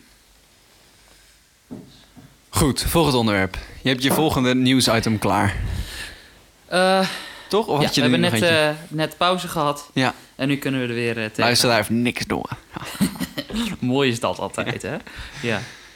Ik zat trouwens net nog iets te bedenken... wat we als vaste rubriek nog weer erbij kunnen doen. Nou, Ehm, ik zat te denken, misschien... Normaal gesproken zou dit... Als we, hebben net een soort van pauze gehad... ja. Eh, je hebt wel bij andere podcasts... Dat die tijd dan gebruikt wordt om reclame te maken voor dingen. Ja, ja, ja. En ik zat te denken van... Zeker met We hebben geen sponsors. reclame hebben gedaan. We hebben geen sponsors, maar dat Nee. we gewoon ook zonder sponsors... gewoon reclame gaan maken voor dingen die we echt vet vinden. Die we echt heel... Dus ja, dat we precies hetzelfde als wat we... Als een soort pauzedingetje. Na het Ja. nieuws, dan komt een stukje reclame over iets dat we Zeg maar- helemaal... Ja. Ja, en dat, dat, dat... Ik bedoel, we hebben net een heel ding, eh, gesprek gehad over wat we niet goed vonden aan reclame en hoe Ja. onecht het is. Ja. Maar dat we dan gewoon echt Gewoon passievol spreken over, over- dingen die we Niet, echt niet langer vinden. dan één of twee minuutjes, maar gewoon heel Nee, kort nee, over iets echt, echt... jongens, dit product, dit moet je gewoon kopen. Of dit soort eten. Of Ja, eh, eh, ja, dat. ja. Z- Nou, we kunnen zal een paar dingen zal ik nu nu al? eentje de één doen? We hebben net kokoven gehad. Stoofpot. Ja.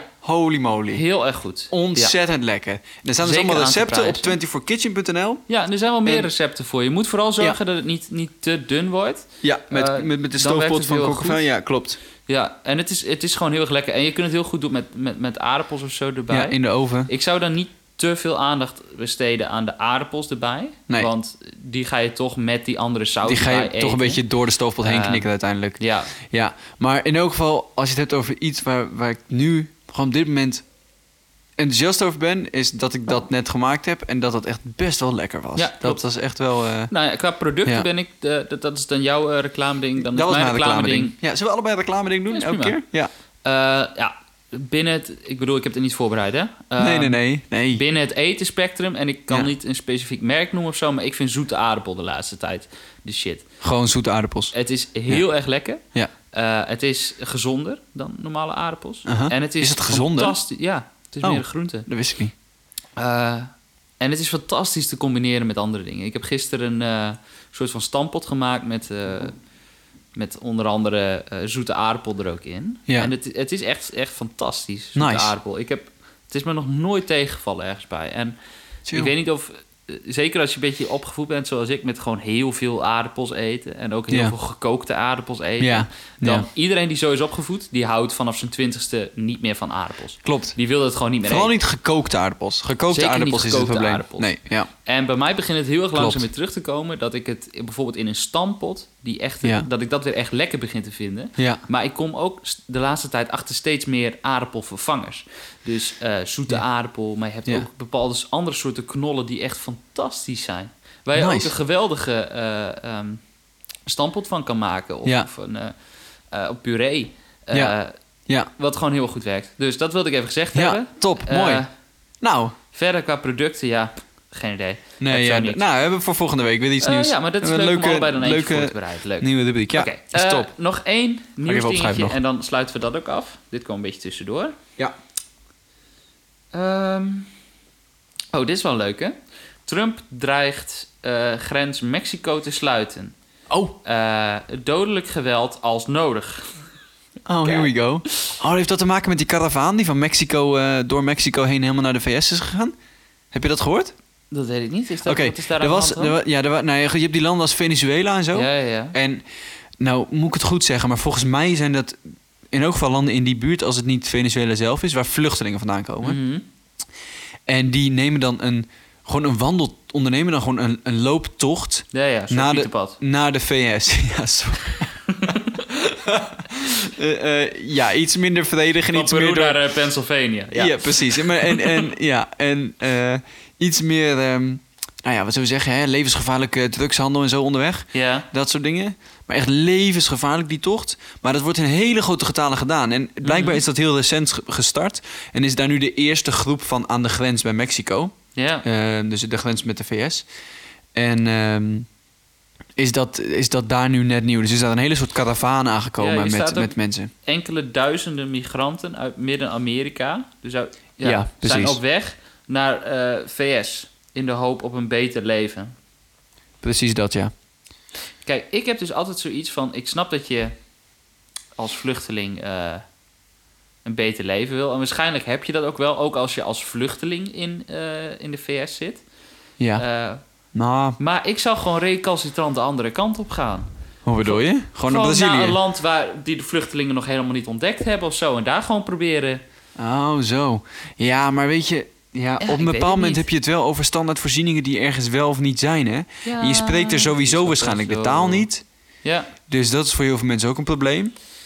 Ehm, dat is wel zo. Maar het is ook even... Ik hoorde laatst, maar goed. Ik, ehm, ik weet niet of ik altijd heel pro de vluchtelingenknuffelaars ben. Want soms vind ik het ook een beetje naïef. Ja. Maar ehm, het is ook wel weer zo dat... Wat ik, nou, wat ik wilde zeggen in elk geval. Laatst hoorde ik weer heel veel vluchtelingen... Hm. noemen we helemaal geen vluchtelingen.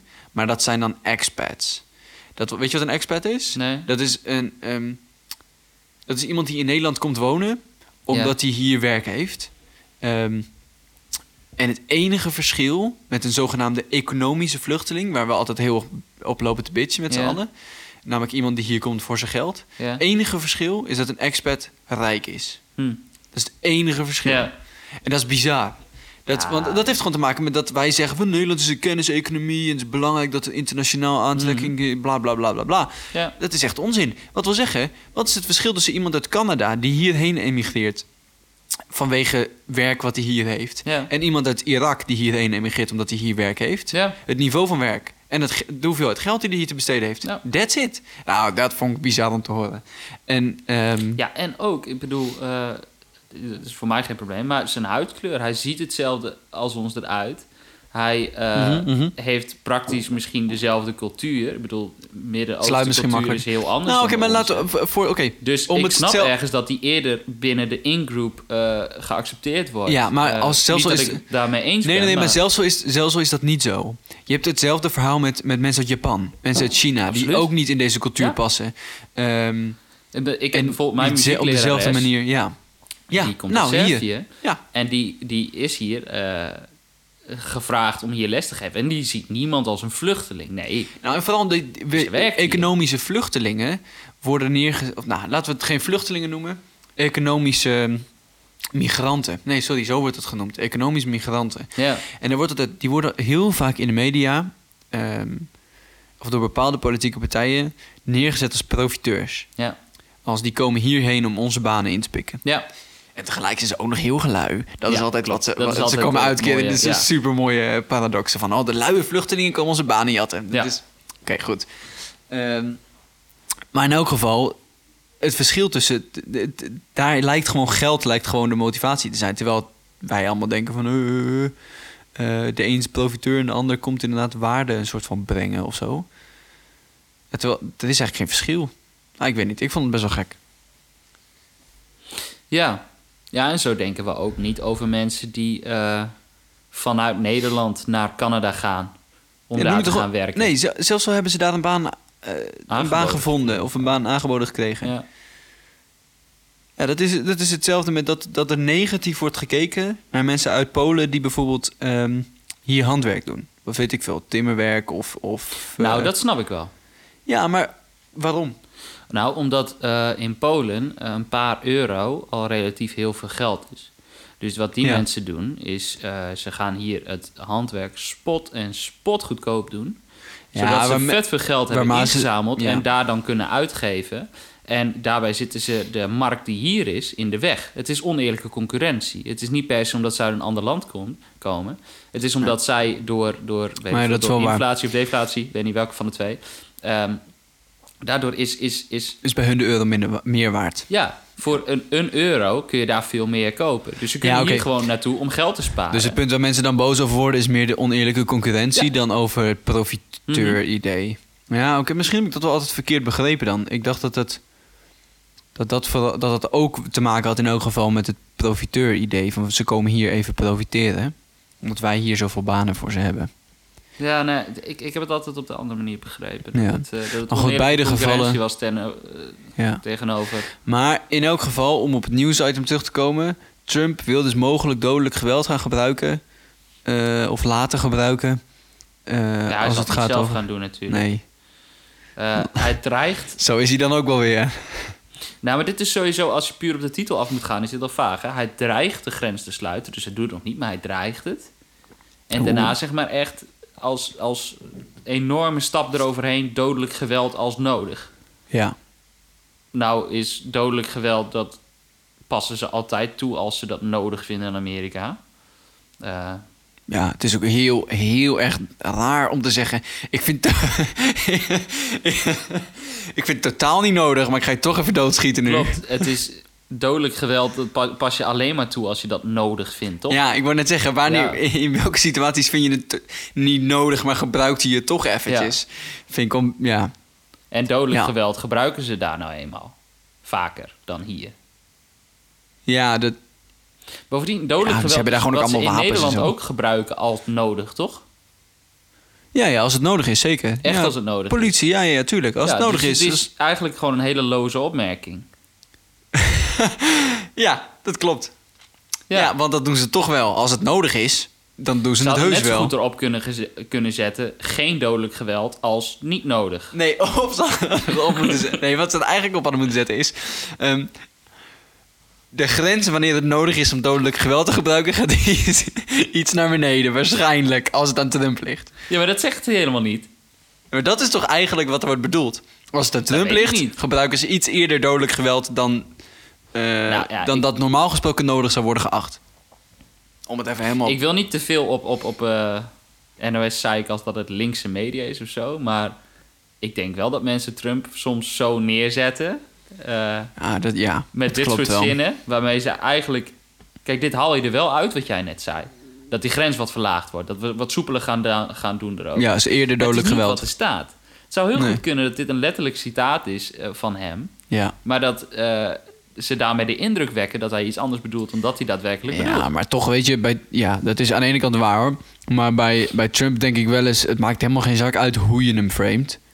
Of welke woorden je gebruikt. Ja, Als je zijn eigen Twitterpagina erbij pakt, dan weet je genoeg. Dat, Ja. dat gaat nergens over. Maar goed, dat, nee. Ja.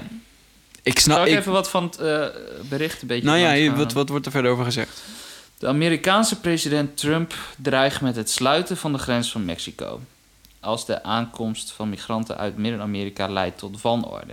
Oké, dus als het tot wanorde leidt, dan sluit hij de grens. Wat logisch is, toch? Ja, het is een, maat, een maatregel die je kunt nemen. Je kunt ook andere Ja. maatregelen nemen. Maar goed, dat is een maatregel. Zoals, wat dan? Nou, weet ik niet. Orde op zaken stellen. Ja, oké. Of weet, ja, nee, ja, weet ik veel. Ik weet niet, als het leidt tot wanorde, vind ik ook een beetje een vaag criterium, eerlijk gezegd. Ja, dat is ook zo inderdaad. Want wat is dan wanorde? ja. En wanneer weet je zeker dat dat komt door die mensen? Ja, en als je een groep van duizenden mensen hebt die van punt A naar B vertrekken, is er dan niet altijd al sprake van wanorde. Ja, ik bedoel, misschien- van ja. orde is, er- is, orde is toch al heel erg lang weg Ja. dan voor die mensen al. Ja, ik wou net zeggen. Ja, dat klopt. En ook wanorde voor wie? Dat is ook een goeie. Ja. Maar goed, dat, ja. Hè, voor, voor het geval, ik bedoel, weet jij veel? Misschien hebben die vluchtelingen wel gewoon een hele nette parade, heel ordelijk voor hun idee eh, neergezet. Maar is het wanordelijk voor de mensen die hen ontvangen? Ja, Ja, ja dat, dat is sowieso nu toch het perspectief. Het idee is toch, zodra, de Amerikanen niet meer leuk vinden... en zij het vinden leiden tot wanorde, dan, dan gebeurt het niet. Ja. Of zo. Maar ergens is het natuurlijk wel gek, en dat is ook wel wat ik aan het linkse, ik doe aanhalingstekens, Ja, Eh, dit, eh, voor het linkse standpunt wat ik eraan, aanhalingstekens met zijn vingers, ja. Ja. Het, ik snap het ook wel als je een beetje uitzoomt. Denk ik van, wat zijn we nou aan het doen? We zijn eh, gewoon met een groep mensen zijn we ergens gekomen op een duur. ja. En we zijn eh, wat orde op zaken zijn, eh, zijn we gaan stellen.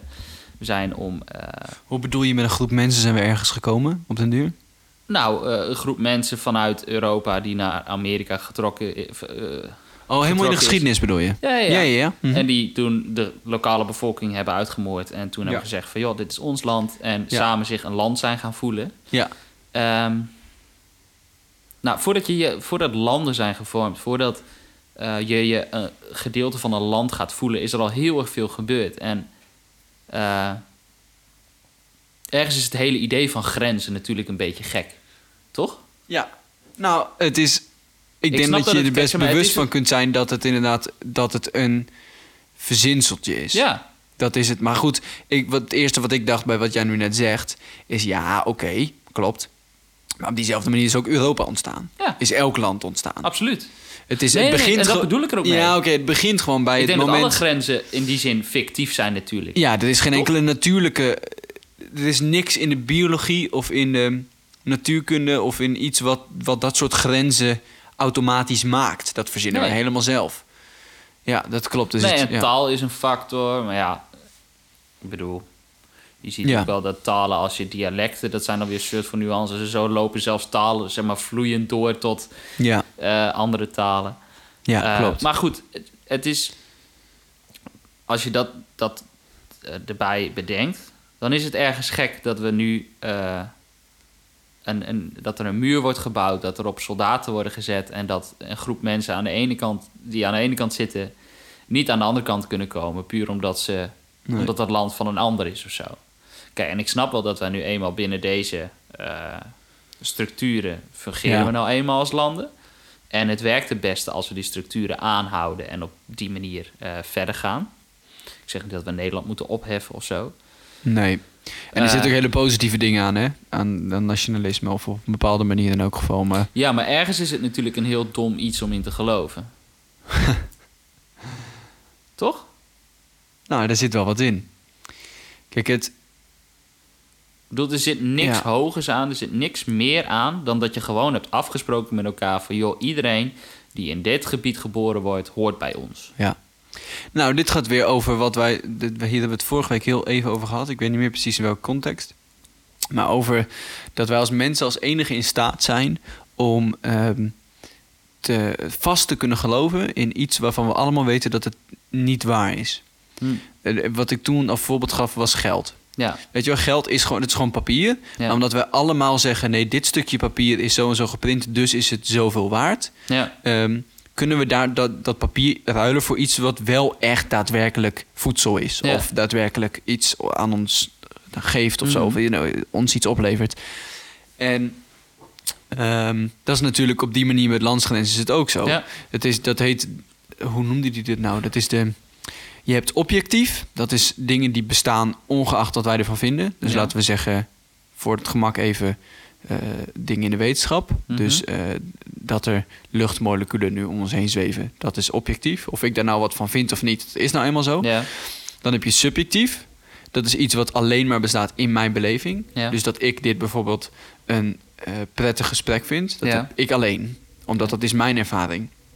Eh, maar dan heb je ook nog, en dat is het laatste, eh, intersubjectief. ja, Dus tussen subjectief in, wat blijft bestaan omdat we het allemaal accepteren. Dus zoals geld, zoals landen, nationaal, nationaliteit, dat Mhm. soort dingen. Dingen die we verzinnen, waarvan we allemaal zeggen... nee, vanaf nu is dat gewoon bestaat. En dan Ja. bestaat het ook echt. Zoals bijvoorbeeld het hele idee van een... Ah, dit, dit zit allemaal in het boek Sapiens, maar het hele idee van een bedrijf. ja, Dat een bedrijf kan geen personeel meer hebben, geen aandeelhouders meer, helemaal niks. En toch kan het nog een soort van... Is het, bestaat het los daarvan? Ja, Het maakt niet uit wie de aandeelhouders zijn. Maakt niet uit wie de werknemers zijn. Mhm.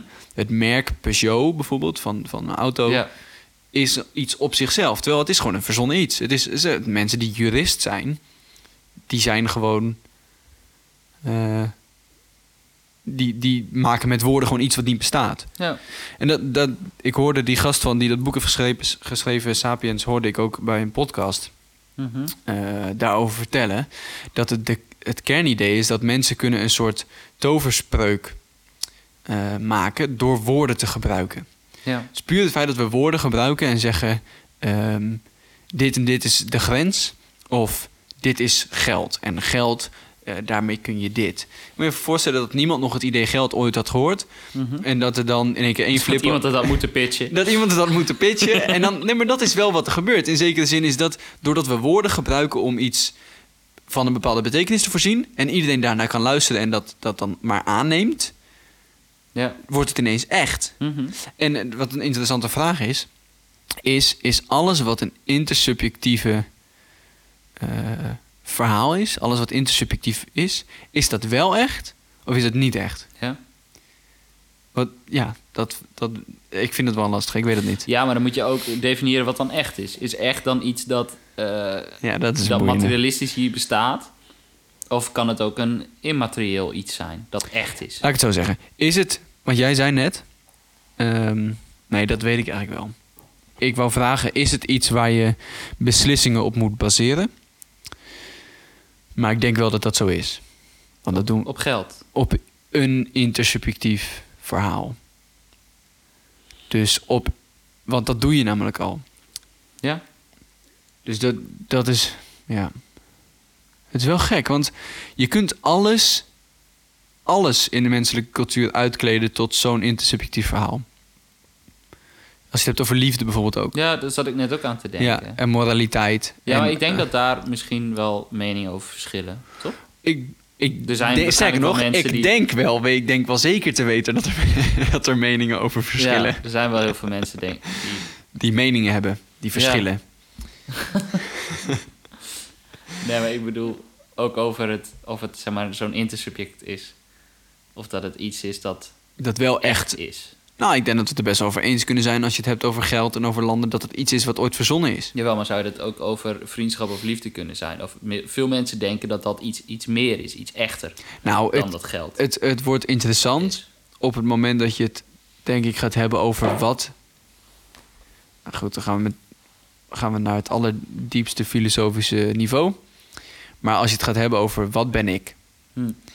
Want ben ik een objectief iets? Als je het hebt over die drie niveaus van dingen waarop dingen kunnen bestaan, wat ik net zei. Je hebt objectief, iets wat bestaat los van mijn waarneming, subjectief, Ja. wat in mijn waarneming en intersubjectief. Wat is dan mijn ik? Wat ben ik? Ben ik objectief? Besta ik los van? Of besta, ben ik toch wel afhankelijk van wat andere mensen denken? Of van wat ik mezelf vertel? Of van wat Je kunt niet beide zijn. dat weet ik niet. Dat is, nee, maar dat is dus misschien Ja. ook wel zo. Ja, weet Maar- ik niet. Maar kijk, als je het hebt over wat jij Eh. zegt over liefde of moraliteit, van dat de meningen verschillen over of dat subjectief is of niet, ehm, of, of dat wel iets intersubjectief is of dat het eigenlijk objectief is, eh, dat is ook de vraag met bewustzijn. Nou, ik denk dat iedereen die in God gelooft zou zeggen van dat eh, liefde een objectief iets is. Iedereen die religieus is, Ja. ja. Dat denk Toch? ik. Maar ik denk dat iedereen die, die religieus is sowieso de neiging heeft om bepaalde intersubjectieve verhalen neer te zetten als objectief. Ja, oké, maar dan is het toch heel erg lastig om Wordt te wel, zeggen... heel, wordt wel een beetje dan? abstract nu. Maar Wat is dan wat? nou, kijk, als je kijkt naar. Stel je pakt. Geld is een heel duidelijk voorbeeld, hè. Maar, ik, Jawel, maar als je. dingen wordt het echt lastig om dat in categorieën op te delen. Ja, maar toch deed je het wel, ja. Maar je deed ook probleemloos toch met nationaliteit. Ja, Maar dan kun je het toch ook doen met bijvoorbeeld eh, onderdeel van een religieuze groep. Dat is ook een verzinsel. Toch? Of Eh, niet? Ja, dat denk ik ook, ja. Maar da- dan kun je toch steeds verder gaan daarin. Jawel, maar ik, ja, ik weet niet. Nationaliteit, dat, dat zou je nog weer zo kunnen ontleden. Dat het, eh, zeg maar, zo afhankelijk is van waar je geboren bent of zo.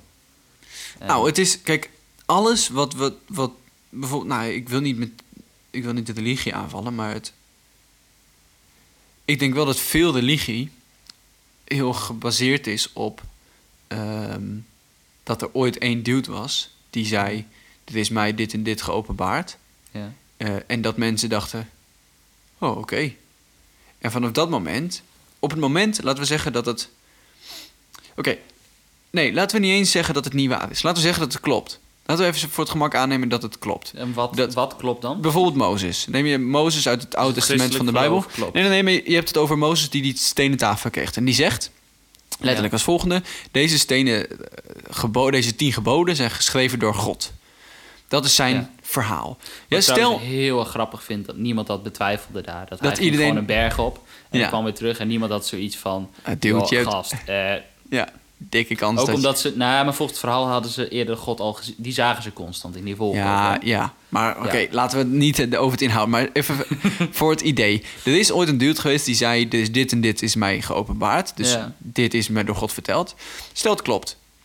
Dan is vanaf dat moment is er nog een soort van objectieve basis.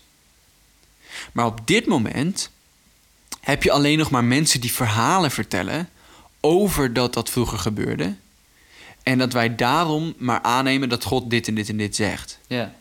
Snap je? Dus, of niet wij, maar eh, de mensen die daar dan in geloven. Oké, maar dus zelfs als je je volledige verhaal baseert op iets objectiefs... dan kan het dus een intersubjectief of een subjectief ding worden.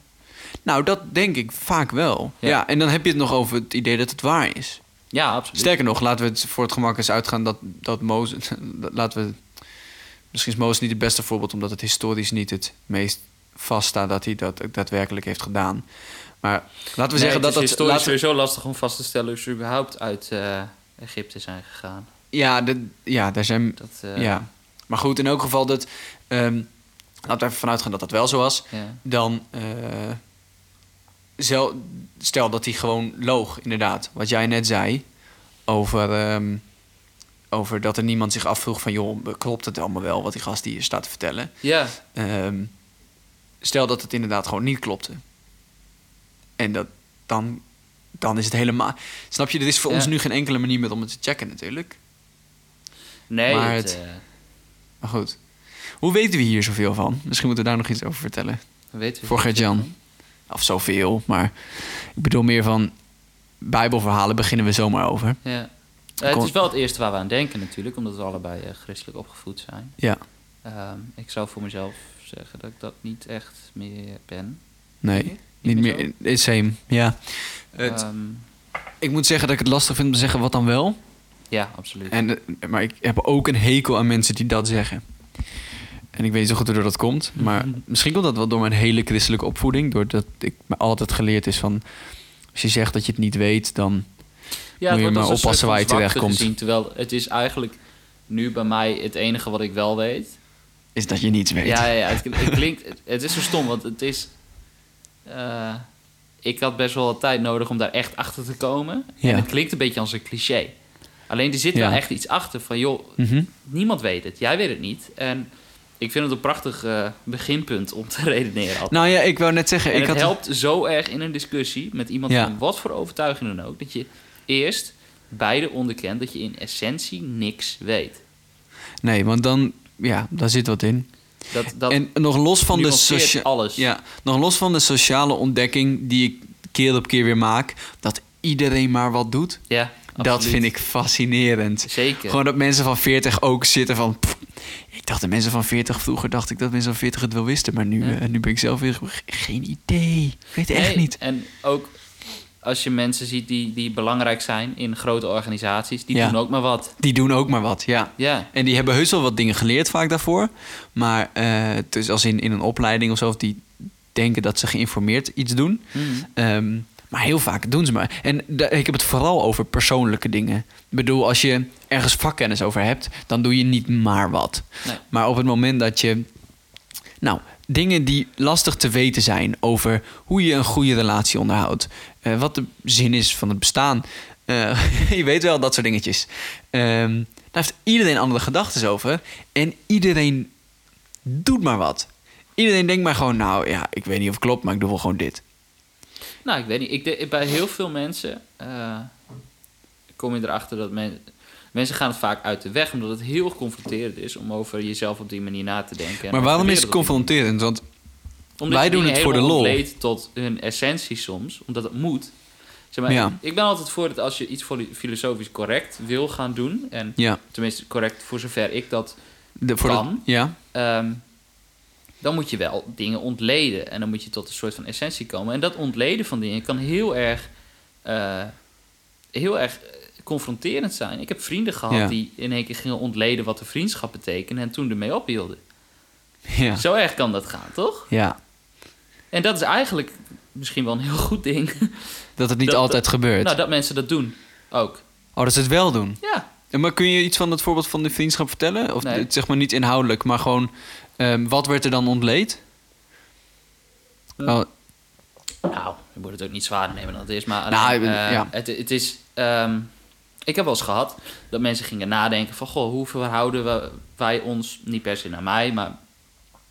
Hoe verhoud, hoe verhoud ik mij ten opzichte van de wereld? Wat zou ik mijn goede vrienden noemen? Wat zou ik minder goede vrienden noemen? ja, En eh, dan kom je erachter dat mensen die je normaal gesproken echt als vrienden ziet, eh, denken van goh, hoe goed kennen die mij eigenlijk? Hoe goed ken ik hen eigenlijk? ja, Ehm, wat eh, heel erg interessant is eigenlijk. Maar het is wel heel erg confronterend om op die manier. Ik zeg niet per se dat iedereen zijn vrienden vaarwel moet zeggen. Maar het is wel heel. Het is meer een voorbeeld om te schetsen hoe confronterend het kan zijn. ja, Als je soms echt over dingen begint na te denken. ja, En hetzelfde kan me heel goed voorstellen, is als je echt confronterend over het ik, over wie ik nou eigenlijk ben. Eh, Ja. ga maar eens, je bent niet echt populairst op een feestje als je zegt van goh, eh, wie zijn wij eigenlijk? En dat je dan probeert eh, ja. te, Nee, zo'n ja. existentieel filosofisch gesprek Nee. aangaat. Terwijl zoiets Ja. wel heel waardevol kan zijn.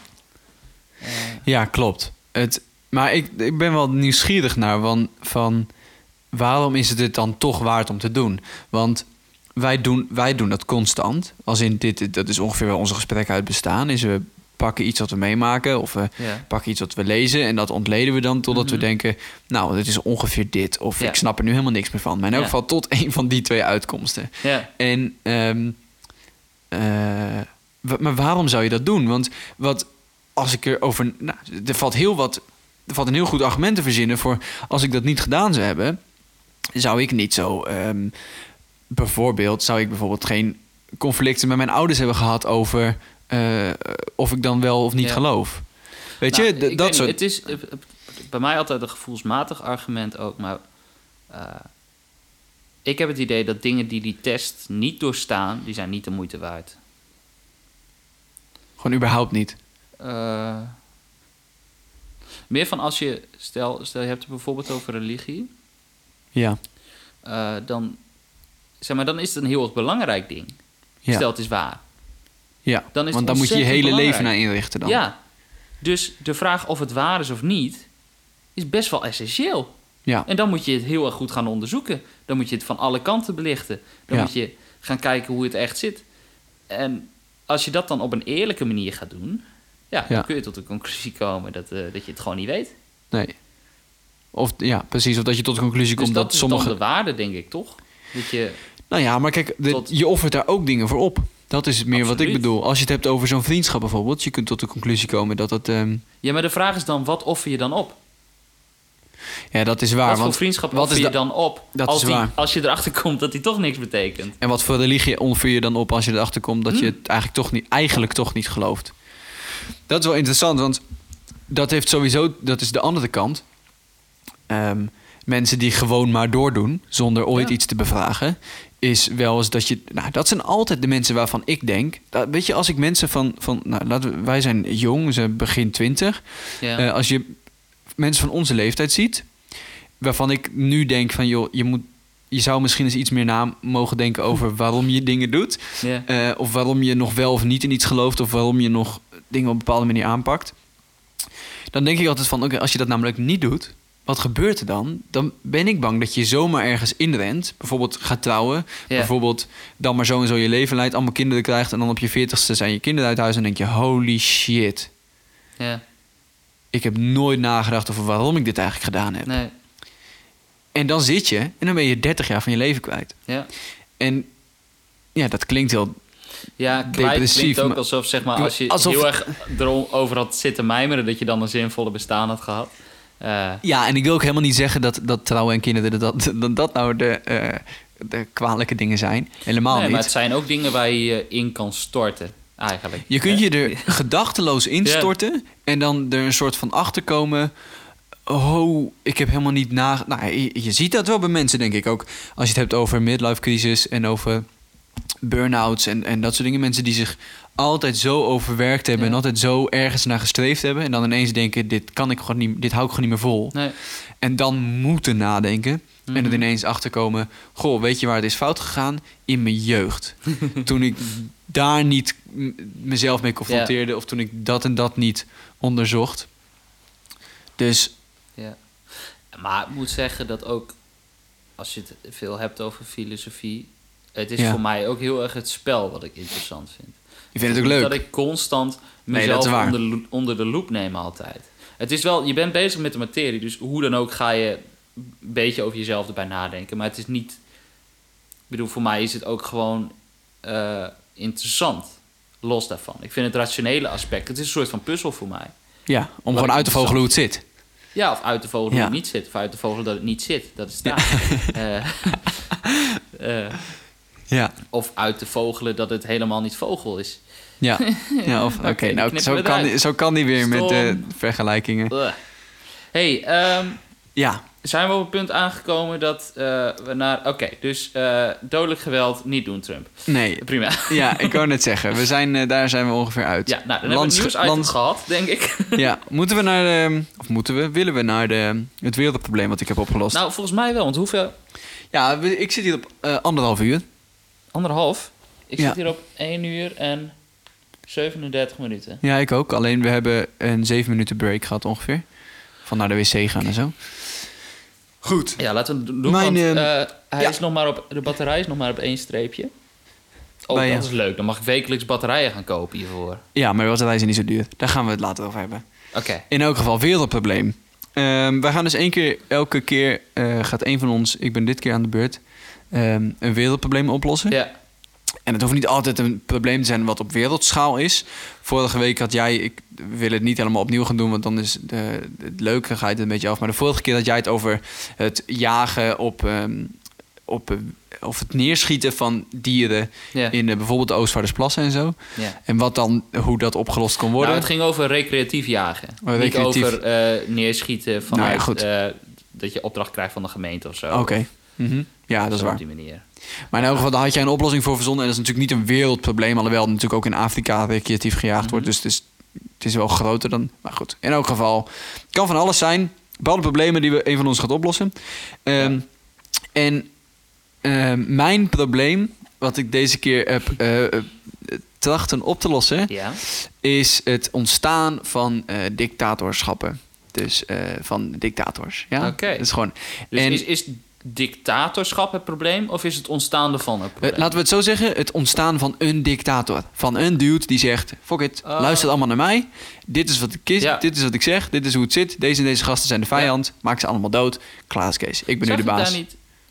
Was dat niet met jou? Huh? Op tv zag ik laatst daar iets over. Dat is dus een of andere groep nu eh, Ja. in, eh, weet ik veel, Hongarije of zo. Mhm. Daar is dus zo'n militie eh, die antidemocratisch is. En één zo'n gast die dreigt dus dictator te gaan Weer worden. Dat het te daar- gek. Superleuk. Het prille begin waar jij het over... Niet om je Ja. verhaal af te bakken, maar Nee, nee, nee. het prille verhaal Ja. waar jij het over hebt... dat Ja. is dus nu aan de hand ergens eh, bij een van die Oostbloklanden. Nou, eigenlijk mijn oplossing, want het is natuurlijk heel makkelijk om dat op te lossen, ehm, is. Even kijken hoe ik dat opgeschreven. Het probleem is dus dictators en de oplossing is als volgt: alle politici, Ja. alle mensen die de politiek gaan, moeten verplicht minimaal één keer per week Ja, Dungeons and Dragons spelen. oké. Ja, dus dat is top. En, moet je eerst ehm, even uitleggen wat Dungeons ja, and daar wou ik mee Dragons beginnen, inderdaad. Eh, Dungeons and Dragons is een spel wat eh, een zogenaamd role-playing game. Dat wil zeggen, je eh, speelt een spel aan een tafel en er is één iemand die vertelt het verhaal, dat is de spelleider. En er zijn bijvoorbeeld vier mensen die het spel spelen en die Ja. hebben allemaal een rol op zich genomen. Dus bijvoorbeeld, stel dat wij zouden spelen, jij speelt een dwerg die goed kan vechten met een zwaard en ik Ja. speel een elf die een goede boogschutter is. Mhm. En dan wat er dan gebeurt is de spelleider vertelt een verhaal. En wij beslissen voor onze personages wat ze doen. En dan rollen we met een dobbelsteen of dat lukt. Dus stel, de spelleider vertelt het verhaal van een herberg. Die wordt overvallen door twee trollen. En wij zitten toevallig in die herberg. Dan mag jij ineens zeggen: Oké, ik pak mijn zwaard en ik val de troll aan. En ik pak mijn boog en ik val ook een troll aan. Bijvoorbeeld. Het is een ontzettend leuk spel. Ja. En een heel. Maar je, ehm, je kunt alle kanten mee op. Je kunt ook zeggen, Ja. terwijl jij zeg maar die troll aan zit te vallen, dan kan ik ook zeggen van, en ik pak zijn buidel met geld en ga Ja. via de achterdeur door van. Precies, van precies. In elk geval, wat, ik heb eens even nagedacht over waarom is Dungeons and Dragons nou zo'n leuk spel? En vooral, wat is er zo goed aan? Want Ja. ergens voel ik aan dat het een goed spel is om te doen. En waarom zouden alle politici het moeten spelen? Oké, wat dat, de vraag is eigenlijk, wat leer je van Dungeons and Dragons? Ik heb bedacht vier dingen. Ja. Eén, als eerste leer je teamspel. Je leert dat niet iedereen overal goed in is. Mhm. Je hebt bij Dungeons and Dragons bepaalde scores. Dat wil zeggen, voor het gemak, je kunt heel sterk zijn Ja. of heel slim bijvoorbeeld. ja. Ehm, en iemand die heel slim is, is vaak niet ook heel sterk. Oh ja. Dus heel vaak specialiseer je in iets. Mhm.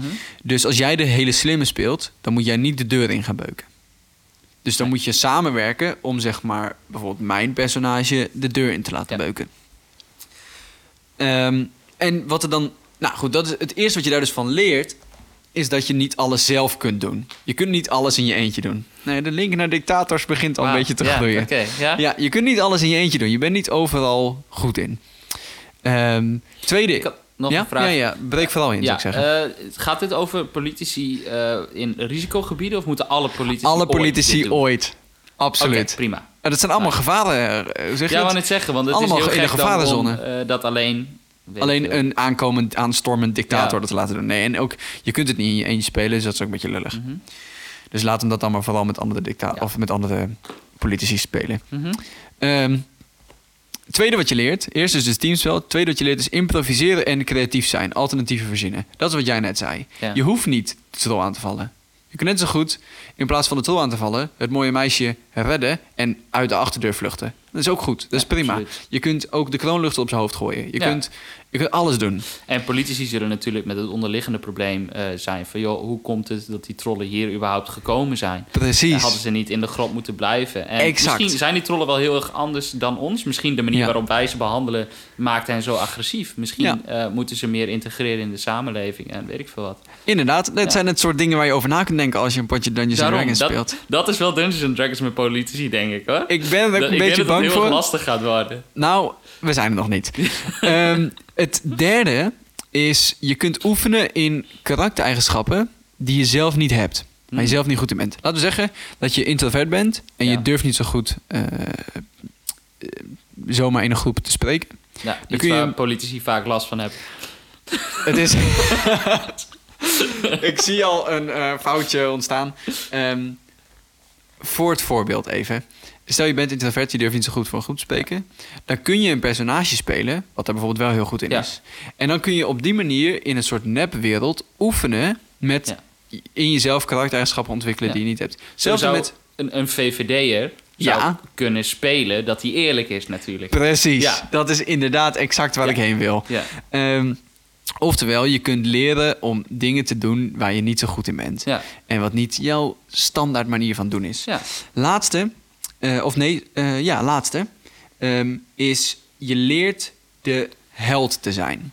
ja. Dat wil zeggen, je leert dat op het moment dat er een gigantische drakendorp binnenvalt, dat jij degene bent die het spel speelt. Ja. En dat jij degene bent die er iets aan moet doen. Dus dat jij degene bent die niet de schuld op een ander kan afschuiven. Nee. Die niet kan zeggen, ja, maar al die andere mensen, die spelen al de hele tijd Ja, het spel. ja. Nee, jij speelt het spel. Jou, jij moet iets gaan doen. Ehm, en ik vond dat wel, ik vind nou, gewoon die combinatie van teamspel, improviseren, Ja. eh, karaktereigenschappen ontwikkelen en de held leren zijn. ehm, dat lijkt me een hele gezonde combinatie dat voor dat politie. Heel En- erg goed gaat werken. Vooral ook omdat het symbolisch, symbolisch moet je gewoon leren op de draak af te stappen. Wauw. Eh, ja, die je in je eigen leven soms kunt tegenkomen. En niet alleen maar ehm, dat op andere mensen af te schuiven of andere mensen de schuld te geven Heel sterk. Ja, ja, ja. In elk geval, als ik het voor het zeggen had, ja. dan werd er bij ons in de Tweede Kamer natuurlijk ook Dungeons and Dragons gespeeld. Oh, nou heb je dit uitgewerkt. Ik heb een paar Oh, mensen lachen. voorbedacht. Want ik wil, eh, dat was mijn volgende vraag. Van, hey, Ja. Zullen we dan ook alsjeblieft gaan uitwerken hoe dat in Nederland... Nou, bijvoorbeeld, ik heb alleen, ik heb nog niet nagedacht over het spel zelf, maar laten we zeggen, er is een draak in het dorp. Ja. ehm, die moet worden aangevallen.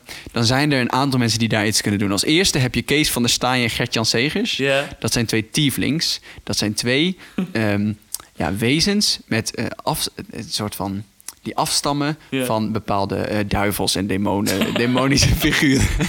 Je moet ook Gewoon, wel relativerend voor Als je het hebt over open-minded zijn en Ja. over ehm, nou ja, nieuwe dingen leren en karaktereigenschappen in Ja, jezelf ja, ja. ontwikkelen die Ja, je nog ja, nooit ja. hebt gedaan, dan is dat perfect voor hen. Tweede heb je daar ehm, En Jesse- Gert-Jan Zegers heeft dan als background story natuurlijk... dat hij zeven jaar in Egypte heeft gezeten als Siervlieg. Precies, precies. Ja. Ehm, dan heb je Jesse Klaver. Die is als een eh, die als oude koning is. eh, die speelt een oude menselijke koning. Maar die is afgezet omdat hij te hoge belastingen hief en de staat failliet ging. Oké. Ja. Oftewel, die moet leren dealen. Al, De cijfers op orde hebben. als linkse politicus met een harde financiële waarheid. Ja. Ehm, dan heb je nog eh, Henk Krol.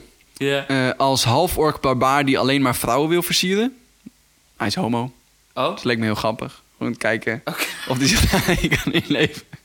Het ja, dan leert hij een keer om hetero te zijn. Ik weet niet of dit met politici te maken heeft, maar ik vond die wel geinig. Oké, oh, ik zou hem juist eh, bij een, eh, een, een heel klein... eh, Heel jong iemand heel laten jong spelen. iemand laten spelen. Dat hij Ja. juist in één keer dat belang gaat inzien Ja, van... van jonge mensen. Ja, nou, dat kan natuurlijk ook. Ik vond, ik vond deze wel geinig. Ehm, Mark Rutte dacht ik natuurlijk als halfling ehm bard, muzikant. Dat wil zeggen als een soort hobbit-muzikant. Die eh, vooral lol wil hebben en heel slecht is in met geld omgaan. Oh. Dat lijkt me heel grappig. Ja. Dat hij ineens de lol van dingen in moet gaan zien en niet altijd Volgens maar... mij ziet hij dit lol wel te vaak. Jawel, ja, dat is waar, maar het is ook een VVD'er. En VVD'ers hebben het altijd over geld. Ah, ja, ja, ja. Dus ehm, ja, ja, dat hij gewoon... Dat ze gaan voorstellen van... joh, laten we die... eh, draak gaan beroven van zijn geld. Dat hij Ja. zoiets van, oh, jongen, jongen, Ja, dat het helemaal niet hoeft. precies, precies. Ja, precies. En kijk, ik heb er nog twee. oh, nice. Ehm, eh, Terry Baudet. Ja. Thierry Baudet. Eh, als hele eh, domme dwerg die alleen maar drinkt en van gezelligheid houdt. Oké. Dat lijkt me wel top. Gewoon niet meer dat hele intellectuele gelul. Ah, maar gewoon alleen maar gewoon iemand die denkt... "Hey!" dat, dat is gewoon zijn, zijn hele standaardhouding. Ja, ja, ja. En dan als laatste natuurlijk Geert Wilders Ja. als elf met lang blond glanzend haar. Maar dan als een druïde. Dat is een natuurtovenaar die van elk klein diertje in het bos houdt. Oh, dat ja, leek dat me heerlijk. Dat leek me fantastisch. ja, dus dat was mijn... En dat die dan samen... Want je speelt samen in zo'n spel. Ja. Je speelt niet tegen elkaar. Samen zo'n draak moeten gaan bevechten. Ik denk dat dat heel leerzaam is. Ik denk dat het heel leerzaam is, inderdaad. En dan moet je het ook eigenlijk gaan uitzenden tegenover Vind ik ook. Vind ik ook, ja. voor de kiezers, zeg Dus, maar. precies. En dan leer je gewoon ook echt je, je fractievoorzitter kennen, denk ik. Wat je Ja. ook zou kunnen doen, eh, is gewoon dit concept pakken. En dat ze Mhm. helemaal zelf hun karakter mogen kiezen. Ja, En dat ze ehm, helemaal een background story mogen verzinnen en zo. ja. En dan een potje D&D gaan spelen, Mhm. Dungeons and Dragons. Ja. En dat er voor de rest geen campagne komt. Helemaal Nee. niks. Nee. Maar dat mensen op basis van dat potje gaan Ja. kiezen wie zij in de politiek willen.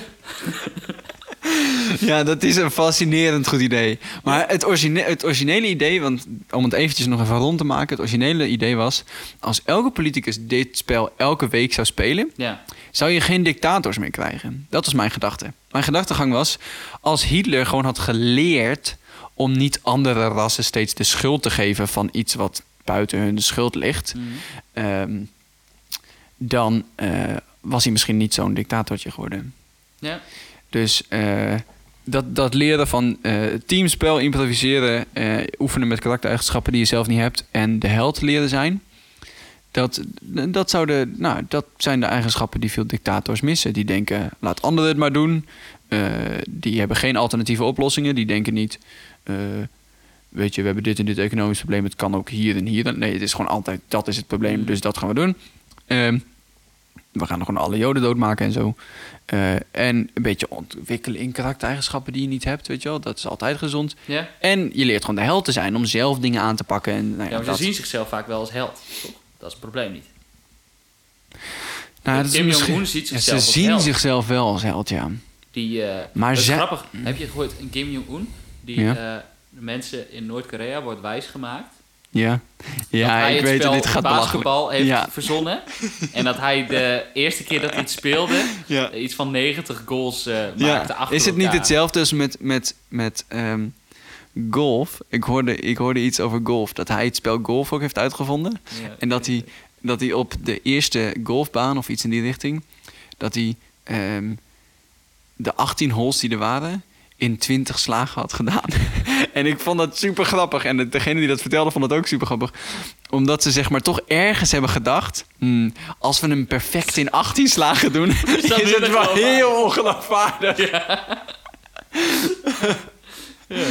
Dus ehm, ja, maar goed. Eh, dus ik heb het nu het probleem... Dik, nou, Nederland, doe ermee wat je wil. Maar ehm, Ik denk heb dat het heel goed kan werken. dictatorschappen wel opgelost. die we niet hebben gehad. Ja, ja, ja eh, maar die vond ik niet zo boeiend. Of tenminste, daar kwam ik niet meteen op een ideetje. Ehm eh, S- Siebrand van Haarsma Buma. Ja, chapeau. Oh ja. Ehm, eh, Lilianne Marijnissen van de Ja. SP. En nog Marianne Thieme van de Partij van de Dieren. Ja, er valt voor alles wel wat te verzinnen. ja, Maar, ja, ja. maar ehm, ja, ik kon daar niet meteen iets, iets Ja. voor, voor, Maar voor moet verzinnen. gewoon een of andere vleesetende ork worden. Ja, gewoon heel barbaars. Ja, gewoon, ja. ja.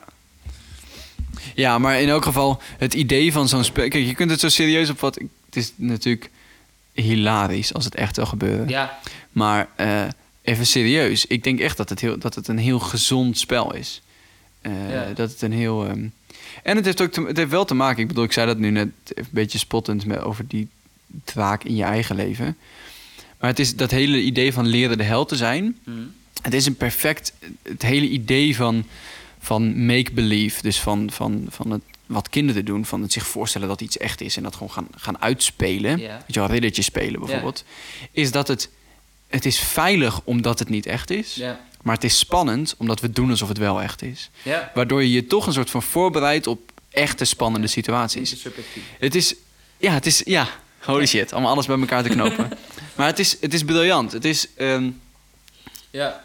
ja, het is, het is ook niet passief. Het is ook, niet- dat is ook het leuke van, van dat spel. Is je zit in een verhaal wat je niet door een Hollywood-producent wordt gevoerd. eh, en wat je maar hoeft te slikken en hoeft te accepteren. Je zit gewoon, je maakt zelf, je- niemand weet hoe het uit. Sterker nog, wat ook heel leuk is, is je hebt dus, dus aan die dobbelstenen vast of iets lukt of niet. En hoe belachelijk datgene wat je verzint ook is. Op het moment, je kunt, je hebt een dobbel, dat moet ik even uitleggen. Je hebt een dobbelsteen die tot 20 gaat. Mhm. Dus je hebt 20 zijden, het ziet er een beetje gek uit. Maar ehm, op het moment dat je een 20 gooit, dan lukt het eigenlijk altijd. Dat is Ja. het, dat, dus hoe belachelijk ook iets is wat je, wat je verzint, de kans dat het lukt is altijd aanwezig. Ja. Dus er zit ook nog een heel idee in van gebruik je fantasie. Je mag, er is niet iets te gek om te Ja, verzinnen, ja, ja. wat ook heel gezond is. Want er is ook, heel- altijd een kans dat het wel lukt. een kans dat het wel lukt. Ja. Ik ga het ook echt, mocht ik later kinderen krijgen, ga ik het 100% met mijn kinderen spelen. Het is een fantastisch spel. Dat is wel leuk inderdaad. Maar Ja, ook ehm, omdat het voor mijn part zich helemaal niet hoeft te beperken binnen die fantasywereld. nee, dat is ook vaak zo. net zo goed gewoon spelen van eh, de ene is Kees en de andere is Karel en Ja. die loopt over straat. Zeker En waar. Er komt een zombie-apocalypse. Ja. ja, die zijn er ook. Er zijn Ja. ook heel veel van dat soort ver- van de versies van het spel waarin je gewoon of een weet je zo'n moord eh, mysterie complot eh, ding. Ja, weet je wel, en een soort Cluedo-achtig. Heeft de Ja. verhalenverteller heeft gewoon allemaal clues verzonnen. En dan moet je gewoon achter zien te komen. En dan word je zogenaamd op een bepaalde plek gedropt. is vet leuk. Het is echt allemaal super boeiend. Nee. Dus ehm, ja, als de wereld dat nou eens ging doen, dan. eh, Ja, ik vind dat met de, wat je net zei over die kinderen spelen, vind ik ook wel heel erg interessant. Ik vind dat dus zo grappig als kinderen zeggen, eh, bijvoorbeeld als ze gaan voetballen, ja, zegt de een van ik ben Ronaldinho en de ander zegt ik ben eh, Henry. ja, En eh, nou, grappig dat je zeg maar iemand bent. bent. Ja. eigenlijk. Dat je gewoon Ja. Het is een, een zonder, eh, role-playing game is een rollenspel. Dus Ja. je speelt een rol. En dat is inderdaad, je bent Ronaldinho. Dat, Ja. dat was helemaal de shit Maar natuurlijk als vroeger. kind ligt het er zo dik bovenop. Dat je, of, eh, daar is het helemaal geaccepteerd of zo. Daar is het altijd Ja. prima. Bij En kinderen, als volwassene ja. moet je echt een excuus als een spel weer verzinnen. Eh, wil je weer iemand spelen? Ja, ja En eh, klopt. dat is wel lastig soms. Klopt. En nou goed. Ehm, ja, hoe lang willen we de podcast nog hebben? Maar ehm, ik bedoel, we hebben al een hele hoop inhoudelijk dingen gehad. Maar als, mochten we nou nog een onderwerp willen aansnijden. Eh, Wat vinden- nog eentje. Wat vinden, we wat vinden we als mensen bevrijdend aan het in, het huid, in de huid van iets anders kruipen? Of van iemand anders Ik heb het hier kruipen? niet vorige week over gehad. Nee, dat ging over jezelf. Ja, dat ging. Ja, wel, maar dat maakt niet uit. Het gaat in, in wezen gaat het over jezelf verliezen. Ja. Waarom vinden we het prettig om soms onszelf uit te zetten? En gewoon, nou, een film is een makkelijk voorbeeld, want dat is, dat is de, de instapwaarde nog niet zo hoog. Maar, of daar hoef je nog niet zo heel erg aan mee te doen. Je kunt gewoon dit is passief dat doen. een iets ander punt. Want dit is... Waarom dit is- vind je het fijn om jezelf... eh, of, dit heeft meer met rolmodellen te maken, toch? Ja, Zeg maar, je wil gewoon eventjes Ronaldinho zijn. ja, En dan als je dat zegt... En je doet even net alsof... En je bent aan het voetballen... dan voel je je ook even Dan zo. voel je eventjes hoe hij zich Ja. zou moeten voelen. Maar ik vind dat een heel grappig effect, want het is dat idee van fake it till you make it. Dat idee van als je maar lang genoeg doet alsof, dan kun je het uiteindelijk ook echt. Ja, Dat is voor een deel ook wel waar. Dat is voor een deel is het ook. Mensen, echt kunnen is ook gewoon net doen alsof je iets kan, heel vaak. ja, Als je een presentatie geeft, ja, dan doe je gewoon net alsof je goed kan presenteren. ja. En Ik vind het ook heel vaak heel behulpzaam om bij iets te bedenken, iets wat ik nog niet kan. Hoe zou iemand. Nou, ik bijvoorbeeld, bijvoorbeeld laatst op een nieuwe baan, ik moet dus lesgeven dan. Hm? Ehm, dat je aan het begin gewoon bedenkt, iemand die dit kan, Ja, hoe pakt die dit aan? Ja. En dan gewoon dat gaan doen. En dat is heel grappig, want dat is natuurlijk een, soort stom gedachtenspelletje wat je met jezelf speelt. ja. Maar het werkt wel of zo. ja, maar het is natuurlijk ook eh, misschien relativerend als je erachter komt dat ook de mensen die tekstboeken schrijven over hoe je iets moet doen, die hebben ook op een duur ondervonden in de praktijk van hé, hey, dit werkt goed en dit werkt iets minder goed. Ja. Dus die hebben Ja. ook maar gewoon gedaan. En helemaal als je het, oké, helemaal als je het terugvoert naar überhaupt dingen uitvinden ooit. Ja, Het begon altijd met iemand die maar iets deed. Die ja, maar gewoon. En natuurlijk, die mensen die dat tekstboek hebben geschreven, die hebben het waarschijnlijk ook weer van andere boeken en zo. Maar als je dat Ja. terugrekent, dan heb je gewoon een hele keten van mensen die maar wat doen. En zo uiteindelijk ergens uitkomen. Dus maar gewoon wat doen is helemaal geen verkeerde manier van aanpakken. Nee, nee dat klopt. En ook doen alsof. Dat, daar kwam er natuurlijk vooral vandaan. Ja, absoluut. Van doen alsof je het kan. Ja. Of doen alsof je het weet. Maar er zit natuurlijk ook een negatieve kant aan. Ik bedoel, als je het hebt over mensen die soms doen alsof ze iets kunnen... terwijl ze het gewoon echt niet kunnen. Nee. Dat is ook niet altijd even handig. Nee. Soms wil je gewoon iemand hebben die wel iets kan. Al. Ja, maar soms is iets kunnen ook gewoon doen alsof je het kan, hè? Ja, het, het verschilt een beetje per situatie, Ja, denk ik. Je wil gewoon niet iemand een bom laten ontmantelen... die dat gewoon maar even doet alsof hij dat kan. Nee, Weet je, het Dat Nee, maar, is- oh, en dat is misschien wel, om het nog even terug te brengen naar zo'n spel als Dungeons and Dragons. Waarom zo'n spel zo goed werkt. Omdat het is een veilige omgeving. Ja. Je kunt daar het allergevaarlijkste ooit doen alsof, mhm, bij wijze van spreken. En het is nep. ja. Dus daarom gaat het niet extreem fout met echte gevolgen. En dat maakt het, dat maakt het soort van veilig om te experimenteren met iets. ja, grappig. Ja. Goed. Nou, eh, het wereld, wereldprobleem opgelost en zo. Ja. Nee, dat is een goed wereldprobleem, goed opgelost ook. ja. Ik denk dat dit eh, zeker gaat werken. Ik heb wel ideetjes Ja. voor een volgend wereldprobleem. Dus, Je hebt al eh, ideetjes voor een volgend wereldprobleem of voor een volgende oplossing voor een wereldprobleem? ehm, beide. Ah, Ik ga gewoon een probleem creëren en dan oplossen. Dat is wat heel veel politici doen. Niet om op een cynische manier te eindigen natuurlijk, maar ehm, Het is wel ongeveer tijd voor een einde, denk ik. ik denk het ook. We zitten hier op eh 1 uur 58. Ja. Dat wil zeggen dat We we... hebben de vaste onderdelen gehad. Ja, Ehm, ja. de manier, we waren vorige keer nog op zoek naar een manier om af te sluiten. ja, die hadden we nog niet gevonden. Nee, en ik denk dat de vorige... Maar waarop we hem gingen afsluiten, uiteindelijk dacht ik ook van... Nou, dat was ook geen... Nou, dat was geen goede afsluiting. Nee, ehm, bedankt voor het luisteren. Als je het tot hier hebt gehaald. Gert-Jan, te gek. Dankjewel, Gert-Jan. Dankjewel Gert-Jan. Tot ziens, Laat Gert-Jan. weten wat je ervan vond. Waar, geen idee. Want we hebben nog helemaal geen idee waar we dit gaan publiceren. Of we dit gaan publiceren. Ehm, maar in elk geval, bedankt voor het luisteren. En eh, hopelijk tot volgende Ja, week. Weet dat we van je houden, Gert-Jan. Ja, het, is, eh, het komt goed jongen.